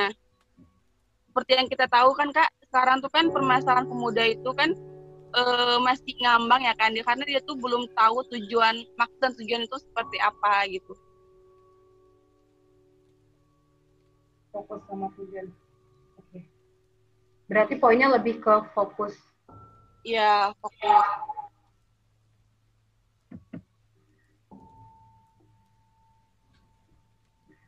Hmm, kalau boleh tahu di sini tujuannya itu tuh lebih ke arah apa? Maksudnya lebih spesifik lagi? Apakah dalam itu dari Tujuan Unita hidup. bisa tujuan hidup? Iya kak. Berarti secara umum ya? Tujuan hidup untuk lebih produktif lagi gitu kak. Iya sih, sebenarnya kalau ngomongin tujuan dan fokus itu tuh jujur aja mungkin saya pribadi pun tidak jauh-jauh dengan namanya distraksi kan. Nah, cuman kabar baiknya ya kita alhamdulillah tuh diberikan kemampuan untuk bisa mengatur diri kita sendiri. Meskipun dalam tanda kutip lagi banyak distraksinya itu kan. Ya tadi juga Bang Atta udah bilang di, eh, distruksi informasi, terus juga mungkin distruksi aktivitas lainnya yang mengganggu-ganggu tujuan kita sehingga ya mungkin arahnya kalau ibaratnya kapal gitu kan yang harusnya dia menuju ke situ eh sedikit oleng gitu karena adanya distraksi atau gangguan-gangguan itu tadi. Nah di sini eh ke apa namanya kalau based on eh, pengalaman saya tentang tujuan tentu saya juga pernah mengalami terombang-ambing lah istilahnya terombang-ambing sama tujuan. Nah terus apa sih eh, hal-hal yang bisa membuat kita tuh kembali lagi atau istilahnya apa namanya? Bounce bounce back ya. Jadi kayak kita kembali lagi turning point lah turning point eh, kembali lagi sama tujuan yang sudah bisa dikatakan sudah kita tetapkan di awal gitu. Nah yang pertama itu ya balik lagi ke niat sih. Ini memang gak jauh-jauh dari namanya niat terus juga proses dan juga lingkungan sih teman-teman. Pertama niatnya kita ingetin lagi eh, kenapa? Jadi kayak question of why itu tuh benar-benar kita pribadi tuh harus bisa ngejawab dulu sih itu. Kalau kalau teman-teman tarik dari semua pertanyaan pasti akan menuju ke suatu muara. Apa itu why? Jadi kuncinya adalah mungkin salah satu kuncinya adalah ya kita pribadi ketika kita punya kemampuan ketika kita ingin menentukan atau memutuskan sesuatu harus mampu menjawab dengan tegas kenapanya itu. Nah kalau kita sudah punya kenapa yang kuat, kalau menurut saya pribadi, insya Allah kapal yang terombang-ambing pun akan eh, bisa melaju kembali gitu kan. Contohnya mungkin in case eh, saya coba kasih contoh personal, kayak misalnya eh, studi. Jadi saya punya rencana untuk studi lanjut gitu kan. Cuman ternyata untuk mencapai studi lanjut itu tuh, masya Allah banyak sekali distraksinya gitu kan. Entah itu pekerjaan entah itu eh, ya hal-hal lainnya gitu kan. Nah tapi selama kita tahu dan kita punya jawaban yang kuat kenapa saya harus kuliah gitu kan? Dengan alasan-alasan yang kita bisa menjawab itu sendiri ya alhamdulillah kembali lagi ke jalur yang apa namanya kayak stay on track gitu. Jadi kayak akan kembali lagi ke tujuannya. Dan kedua adalah eh, ingatlah bahwa ada orang-orang yang harus kita bahagiakan gitu. Wah, siapa Kak? Siapa Kak? Ya ada orang tua kita, saudara-saudara sesama muslim kita. Intinya adalah apa yang kita lakukan tuh gak cuma untuk kita sih, tetap lah kita harus punya apa ya kayak eh, dua arah gitu sih, nggak hanya ke kita apa yang kita cita-citakan, tapi juga ke orang lain. Karena itu yang membuat salah satu orang bahagia tuh ketika hal yang kita lakukan juga bisa bermanfaat untuk orang banyak juga. Jadi kalau dari aku lebih ke dua hal. Pertama, why-nya itu harus kuat. Kedua, ingetin ingat bahwa ada mereka yang harus kita bahagiakan juga. Masya Allah. Terima kasih Kak. Lanjut Bang Adnan. Nah, enough, enough. Enough. Oh, good enough. Complete. Clear ya enough. Bang? Clear udah. Ngasnya Bang? Nah, Oh, Ada harus itu. disempurnakan dulu. harus Bang udah. disempurnakan. sempurna tuh Bang. Kudu disempurnakan dai. Ini orang Jambi ngomong Sunda, asli Sunda. Kan kan orang Sunda Abang nih. Ih, Rani orang Sunda. Iya kak, nggak mirip ya kak? Ya, nih. cukup cukup cukup. Good. Oke, udah kita lanjut pertanyaan. oh, Oke kalau guys, eh, pertanyaan kita tutup ya. Satu lagi. Pertanyaan dari Umar Wira Febriansyah. Maaf kalau yang tadi tipu ya. Eh, Ada- sorry, sorry, Rani. Hmm, ini yang Ya, Bang. Umar, eh, Mar boleh disampaikan lewat voice nggak? Ini maksudnya saya agak-agak kurang paham eh, pertanyaannya. Oh. Boleh lewat voice, brother Umar? Maksudnya gimana? Ah, iya bang, siap. Nah, Assalamualaikum warahmatullahi wabarakatuh. Waalaikumsalam. Umar, mukanya tunjukin lah videonya. nggak usah, nggak usah juga. tahu, tahu Lagi do- semua. Ada aja teknik modusnya. Enggak bang, biar tahu semua maksudnya. Biar biar saling kenal gitu kan. Iya, iya, iya. Oke, brother. Coba gimana gimana? Ah, iya bang, maaf. Ya, ma- apa waktu lihat di pamflet yang dibuat dengan Rani kan ada berkaitan dengan COVID-19. Di situ saya tertarik mengenai produktivitas di tengah COVID-19. Yang abang jelaskan tadi dari awal sampai akhir dan juga Kak Faina Faradina kan tetap produktivitas yang berkaitan sebelum adanya sebelum adanya COVID-19. Jadi yang mau saya tanyakan ini bagaimanakah langkah atau solusi dari abang? Tentunya kan COVID-19 ini mempengaruhi jiwa dan mental kita dalam beribadah, baik itu dalam segi ekonomi maupun dalam segi lainnya. Apalagi di saat seperti ini, eh, untuk beribadah ke masjid itu sudah sudah sangat susah. Walaupun tidak harus ke masjid dalam hal beribadah, tentunya bisa di rumah. Namun kan dalam hal berkelompok, Nabi selalu menganjurkan dalam, dalam hal kebaikan.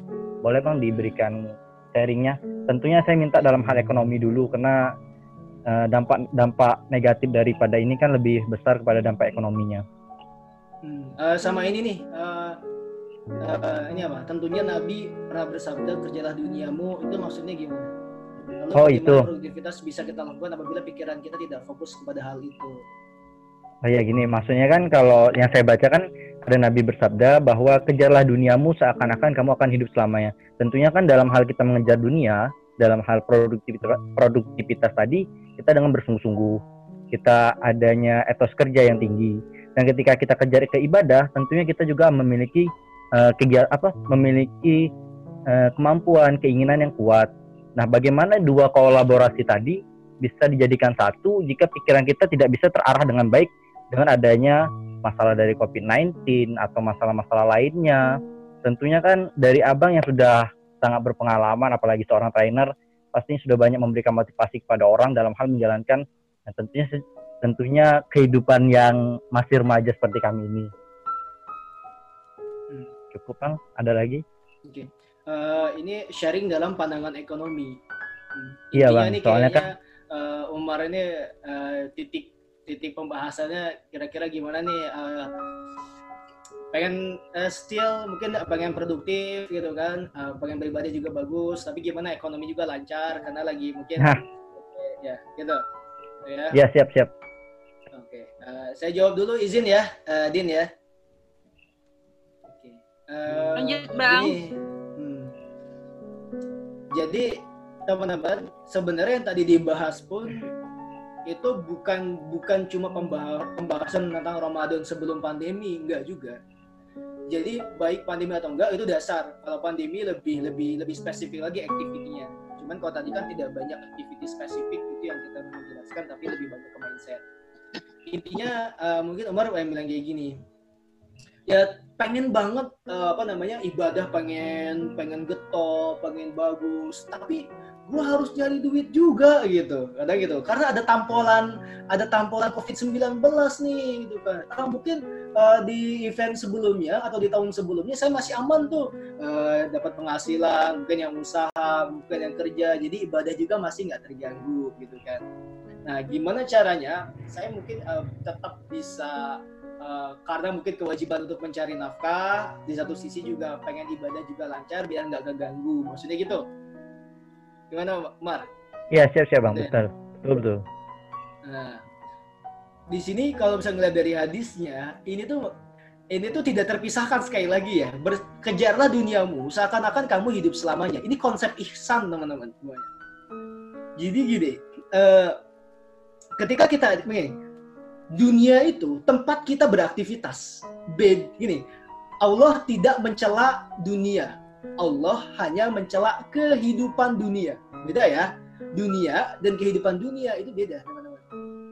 Kehidupan dunia itu kita nggak boleh orientasi kehidupan dunia seakan-akan kita tuh kalau misalnya di, dun di dunia itu pokoknya kita kebahagiaan tuh di dunia gitu. Jadi dunia itu tempat aktivitas, tapi bukan berarti kita nggak boleh menikmati dunia, boleh banget. Teman-teman, justru ketika kita dekat sama Allah, dunia itu dikasih dan receh banget gitu kan. Oh teman-teman cek that uh, Khalifah Umar bin Khattab, lalu uh, Utsman uh, apa uh, Abu Bakar, Utsman bin Affan sampai Abdurrahman bin Auf, Anas bin Malik itu teman-teman itu sahabat orang-orang kaya semuanya.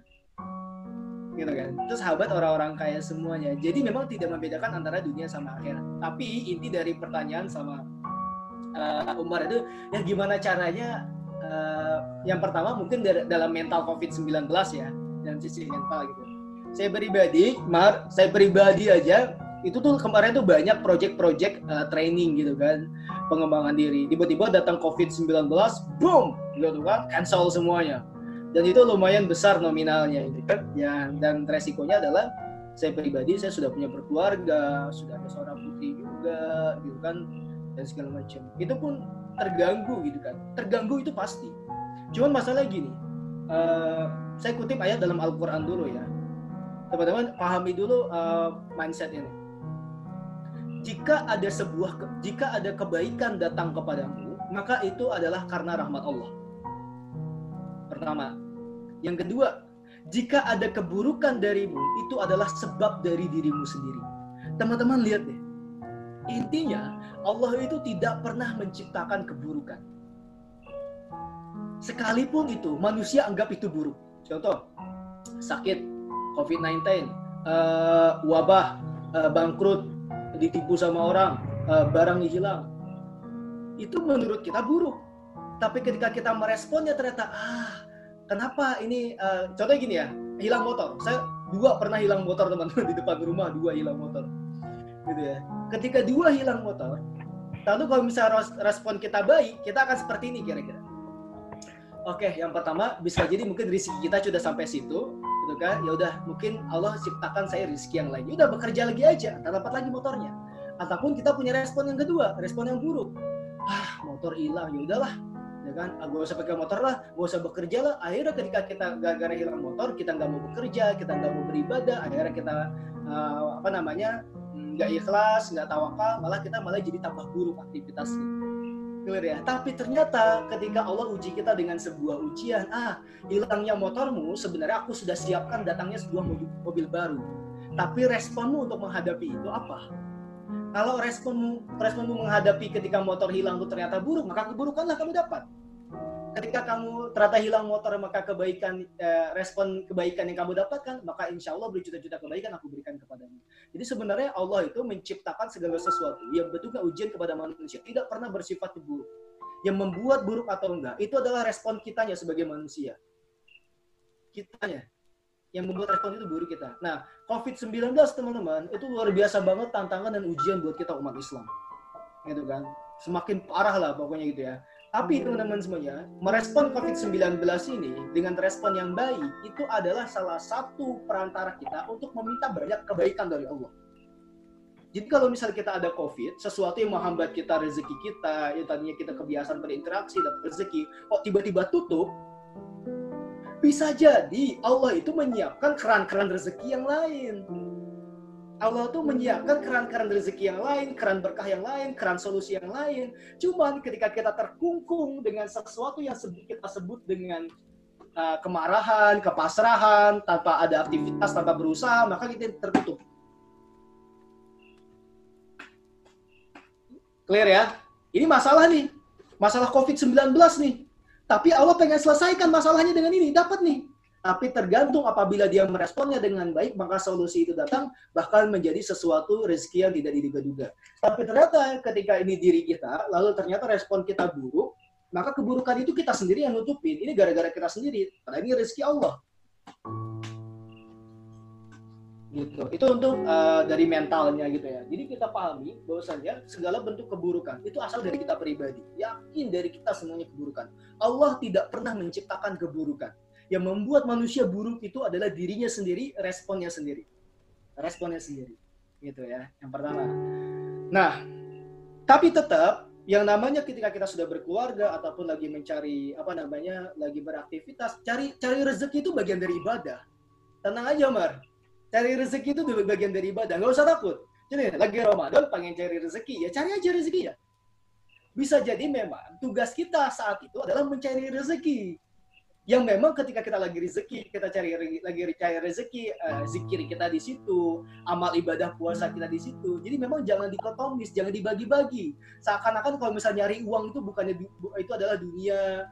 Lalu seakan-akan kalau misalnya banyak uh, apa namanya banyak puasa sunnah, habis itu banyak zikir, itu seakan-akan adalah akhirat. Enggak.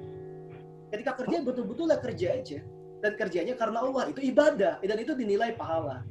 Apalagi contohnya seorang suami ataupun uh, seorang penanggung jawab keluarga, seorang kakak membiayai, membiayai adiknya, membiayai orang tuanya itu adalah bagian ibadah.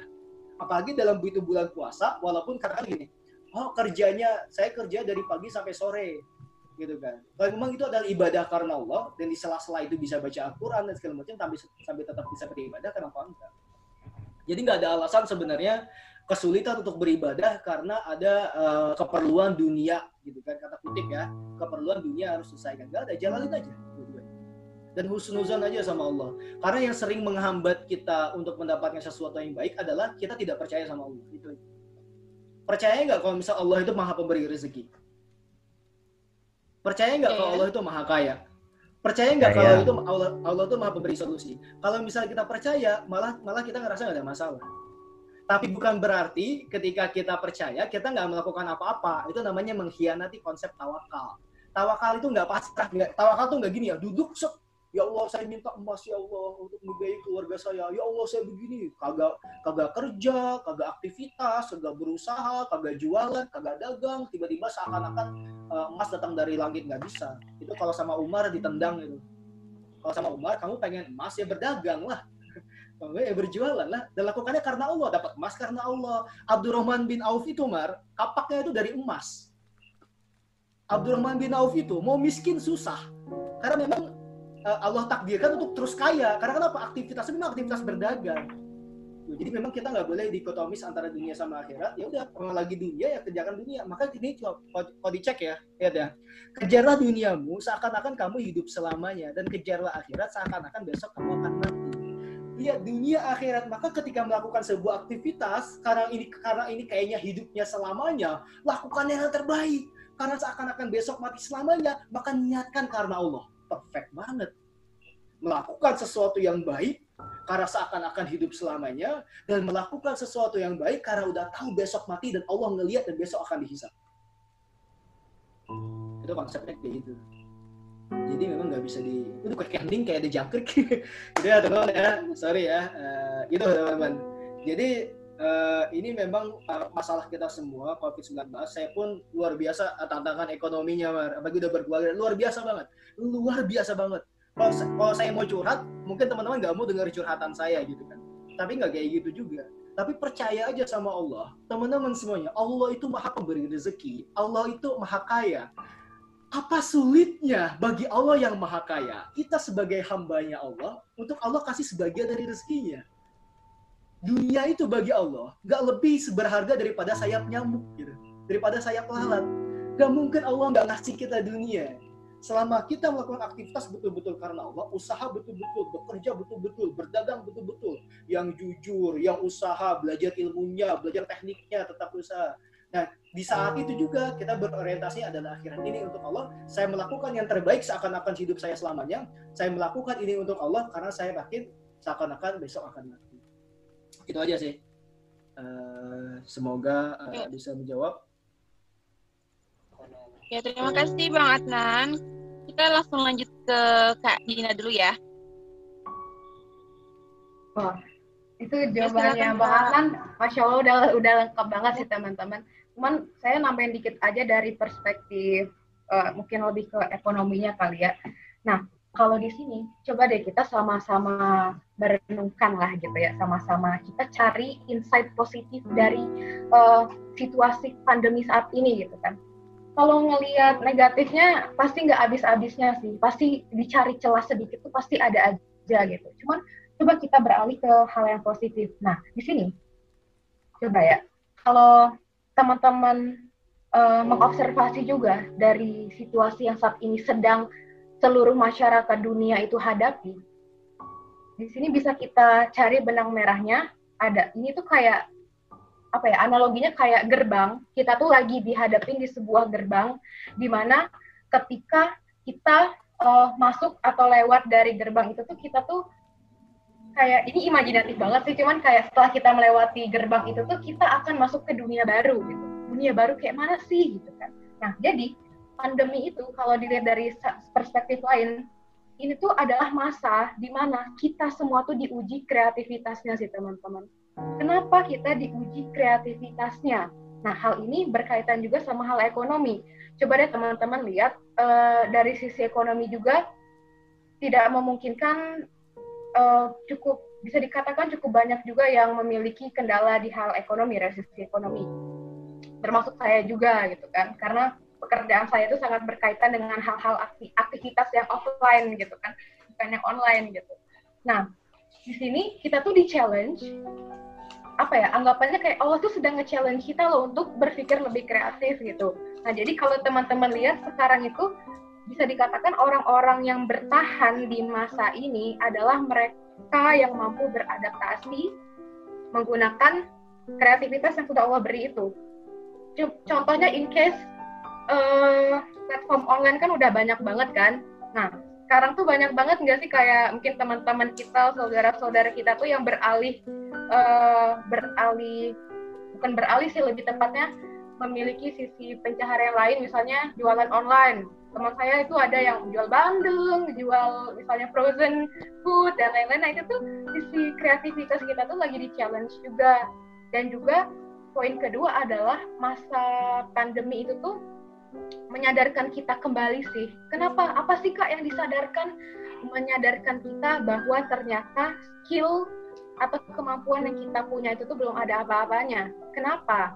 Nah, karena uh, ini kan konteksnya masuk juga ke era digitalisasi. Mungkin sebelum pandemi ini ber, sebelum kita masuk ke masa pandemi ini tuh kayak uh, dikatakan dunia digital atau kayak hal-hal yang berbau online itu tuh masih bisa dikatakan digunakan cuman belum maksimal gitu kan. Nah, dengan adanya masa ini alhamdulillahnya syukur-syukurnya gitu kan kita tuh se bukan cuma orang Indonesia ya tapi seluruh dunia tuh dibiasakan untuk memiliki uh, pengetahuan baru da dalam hal ini tuh sisi digitalisasi gitu yang di mana dalam situasi ini tuh kita dibiasakan untuk beradaptasi dengan era digitalisasi ini. Makanya tadi kenapa di awal saya bilang anggapin apa bayangin aja kita tuh lagi ada di depan sebuah gerbang di mana ketika masuk gerbang itu tuh kita akan masuk ke dunia baru. Nah, jadi kayak di sini tuh kita terus hubungannya sama ekonomi apa ya? Itu tadi poin kreativitas sama poin kesadaran. Pertama, kita sadar kalau ternyata skill kita tuh yang udah kita punya tuh tidak bisa uh, belum bisa di apa namanya diaplikas diaplikasikan di segala situasi. Challenge-nya untuk kita adalah ayo kita belajar lagi atau mencari hal baru kemampuan apa yang ada di diri kita atau hal apa yang ingin kita pelajari yang bisa uh, apa ya bisa dikatakan menjadi modal kita untuk uh, dari sisi ekonomi untuk bisa uh, namanya apa namanya kata-katanya agak ini nih jadi misalnya kita ad, belum ada, misalnya kita uh, ada satu, kita punya skill A nih. Ternyata skill A yang kita jadikan mata pencaharian itu tuh tidak bisa uh, kita lakukan di masa-masa kayak gini, misalnya pandemi COVID-19 ini. Oh, ternyata kita sadar nih, oh ya Allah ternyata skill aku tuh belum ada apa-apanya. Oke, okay, challenge kamu adalah kamu harus belajar skill baru di mana skill yang kamu pelajari ini tuh bisa kamu pakai di segala situasi. Nah, jadi kalau dari saya ngelihatnya dari dua, dua sisi itu sih. Pertama wah kita tuh syukurnya sangat di challenge kreativitasnya. Kedua kesadaran untuk menggali ilmu lebih dalam lagi. Dan dari ekonomi tadi relate sama kreativitas itu ya. Jadi untuk tadi untuk Umar saya sih yakin Umar dan teman-teman semua tuh pasti punya eh, modal kemampuan yang mungkin belum terasah. Dan di sinilah kayak wah alhamdulillah banget waktu yang terbaik untuk oke kita cari lagi kemampuan kita apa yang bisa kita eh, lakuin untuk bisa meningkatkan meningkatkan lebih mem- mempertahankan sisi ekonomi kita gitu itu aja mohon maaf kalau banyak kurang Terima kasih Kak Dina. Terima kasih Mbak Adnan. Gimana Umar? Udah cukup dengan jawabannya? Cukup, cukup. Terima kasih Mbak Adnan. terima kasih Pak sama-sama.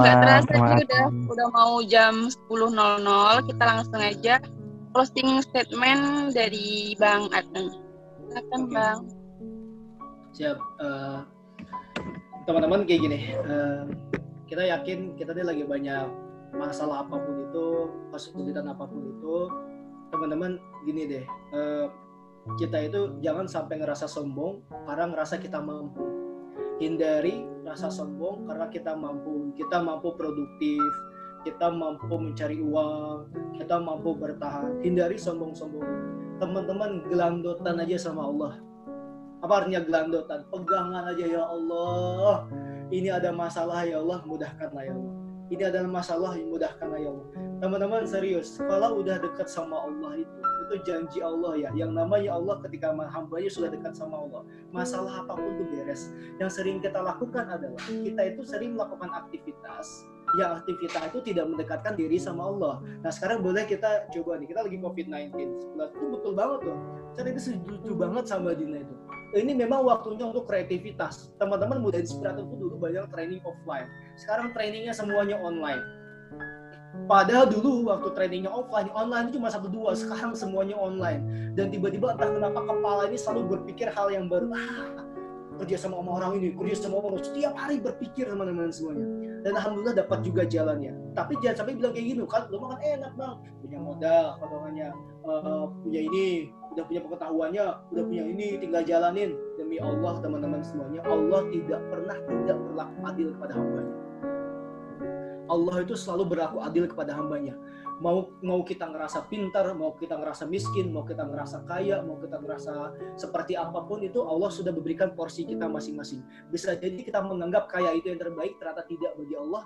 Bisa jadi kita menganggap ternyata uh, jadi profesor itu yang terbaik bagi kita, tapi tidak bagi Allah. Tapi yakinlah teman-teman semuanya, kita ini kan sering banget yang ngerasa bahwasanya kayaknya ini terbaik, tapi itu tidak, dikabulkan sama Allah. Bisa jadi ada hal-hal baik yang harusnya kamu dapatkan nanti. Bisa jadi gara-gara COVID ini ternyata bisnis saya bangkrut, pendapatan saya turun, ternyata Allah siapkan sesuatu yang terbaik, tapi kita belum mencarinya. Yang pertama. Yang kedua teman-teman semuanya, perspektifnya kayak gini. Ketika teman-teman, ketika Allah mengatakan ini yang terbaik buat seorang hamba, maka itu pasti yang terbaik buat kita walaupun kita nggak suka. Ketika Allah menetapkan suatu kebaikan kepada hamba, itu pasti yang terbaik kepada seorang hamba itu walaupun kita nggak suka. Pasti itu yang terbaik. Masalahnya kita belum tahu dan belum ngerasaan itu yang terbaik. Tinggal kita cari hikmahnya. Nah eh, teman-teman semuanya statement yang terakhir gini. Ini saya pengalaman waktu saya masih ingat waktu itu pertama kali saya ikut conference ke luar negeri lulus uh, dari perwakilan dari Jawa Barat waktu itu. Saya waktu uh, lulusnya ke Kanada tapi akhirnya berangkatnya ke China. Waktu itu PPAN program pertukaran pemuda antar negara saya sama sekali tidak punya tidak punya kelebihan apa-apa nggak pernah juga keluar negeri apa dan segala macam. Nggak ada pengalaman apa-apa. Dan saingan saya adalah anak-anak ITB, UI, Unpad wah pokoknya orang-orang keren dah se-Jawa Barat itu. Tapi dengan izin Allah saya lulus panggilan pertama berangkat ke Kanada. Saya yakin di situ apa? Ketika Allah sudah menetapkan sesuatu kepada seorang hamba, maka satu dunia pun ketika ingin mencelakainya tidak akan mampu. Sekali lagi ya teman-teman ya, ketika Allah sudah menetapkan sesuatu kepada seorang hamba, dunia ini mau mencelakai kita tidak akan pernah mampu. Itulah kepercayaan kita sama Allah teman-teman. Ketika Allah katakan kamu pasti bisa, bisa. Maka kita yakin aja sama Allah, kita husnuzon sama Allah. Gitu aja teman-teman semuanya. Assalamualaikum warahmatullahi wabarakatuh. Waalaikumsalam warahmatullahi Waalaikumsalam warahmatullahi wabarakatuh. Oke, next Kak Dina.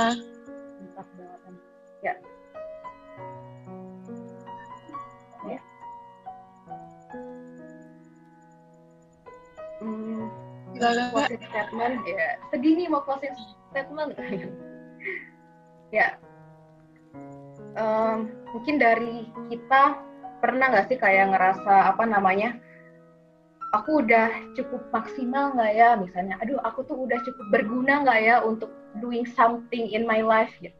Nah balik lagi ke poin awal tadi teman-teman pokoknya harus percaya kalau kita semuanya di dunia ini di buminya ini tuh kita tuh terlahir dengan tugas kita dan dengan peran kita masing-masing. Nah, yang kayak tadi juga saya udah sharing, ada yang yang eh, misalnya punya dilebihkan kemampuannya sama Allah itu di bidang kepenulisan, di bidang matematika, misalnya di bidang biologi dan bidang apa pun itu, percaya deh kalau gak mungkin Allah tuh ngasih kita sesuatu kemampuan tuh tanpa alasan gitu dan gak mungkin Allah tuh misalnya kamu ditakdirin dilahirin di Jambi kamu ditakdirin dilahirin di Bandung di sini di situ itu tuh gak mungkin gak ada alasan. Pasti ada alasan kenapa Allah eh, mengamanahkan itu semua ke kita. Nah, dan tugas kita tuh adalah ayo kita mengoptimalkan apa yang sudah Allah kasih ke kita apa yang sudah Allah amanahkan ke kita gitu ya. Intinya adalah apa yang udah Allah kasih kan Allah tuh baik banget kita dikasih ini kasih itu. Kadang-kadang kita ngecewain Allah terus Allah tuh selalu baik sama kita. Selalu dikasih lagi dikasih lagi dikasih lagi. Padahal kita mungkin terkadang kita mengkhianati juga gitu. Kita doing something yang Allah nggak suka tapi Allah selalu kasih kasih kasih kasih terus yang baik ya gitu. Nah jadi eh, alhamdulillah kita semua punya waktu. Maksudnya kita apa namanya eh, masih dikasih kesempatan untuk sama-sama dan juga insya Allah untuk sama-sama menikmati Ramadan ini ya kita harus berjuang untuk bisa ya perbaikin lagi diri kita masing-masing gitu karena sejatinya eh, memaksimalkan peran yang udah Allah kasih dan jangan sampai mengecewakan apa yang udah Allah beri. Luar biasa. Terima kasih buat Kak Dina dan Bang Bang Atna atas sharing-sharingnya.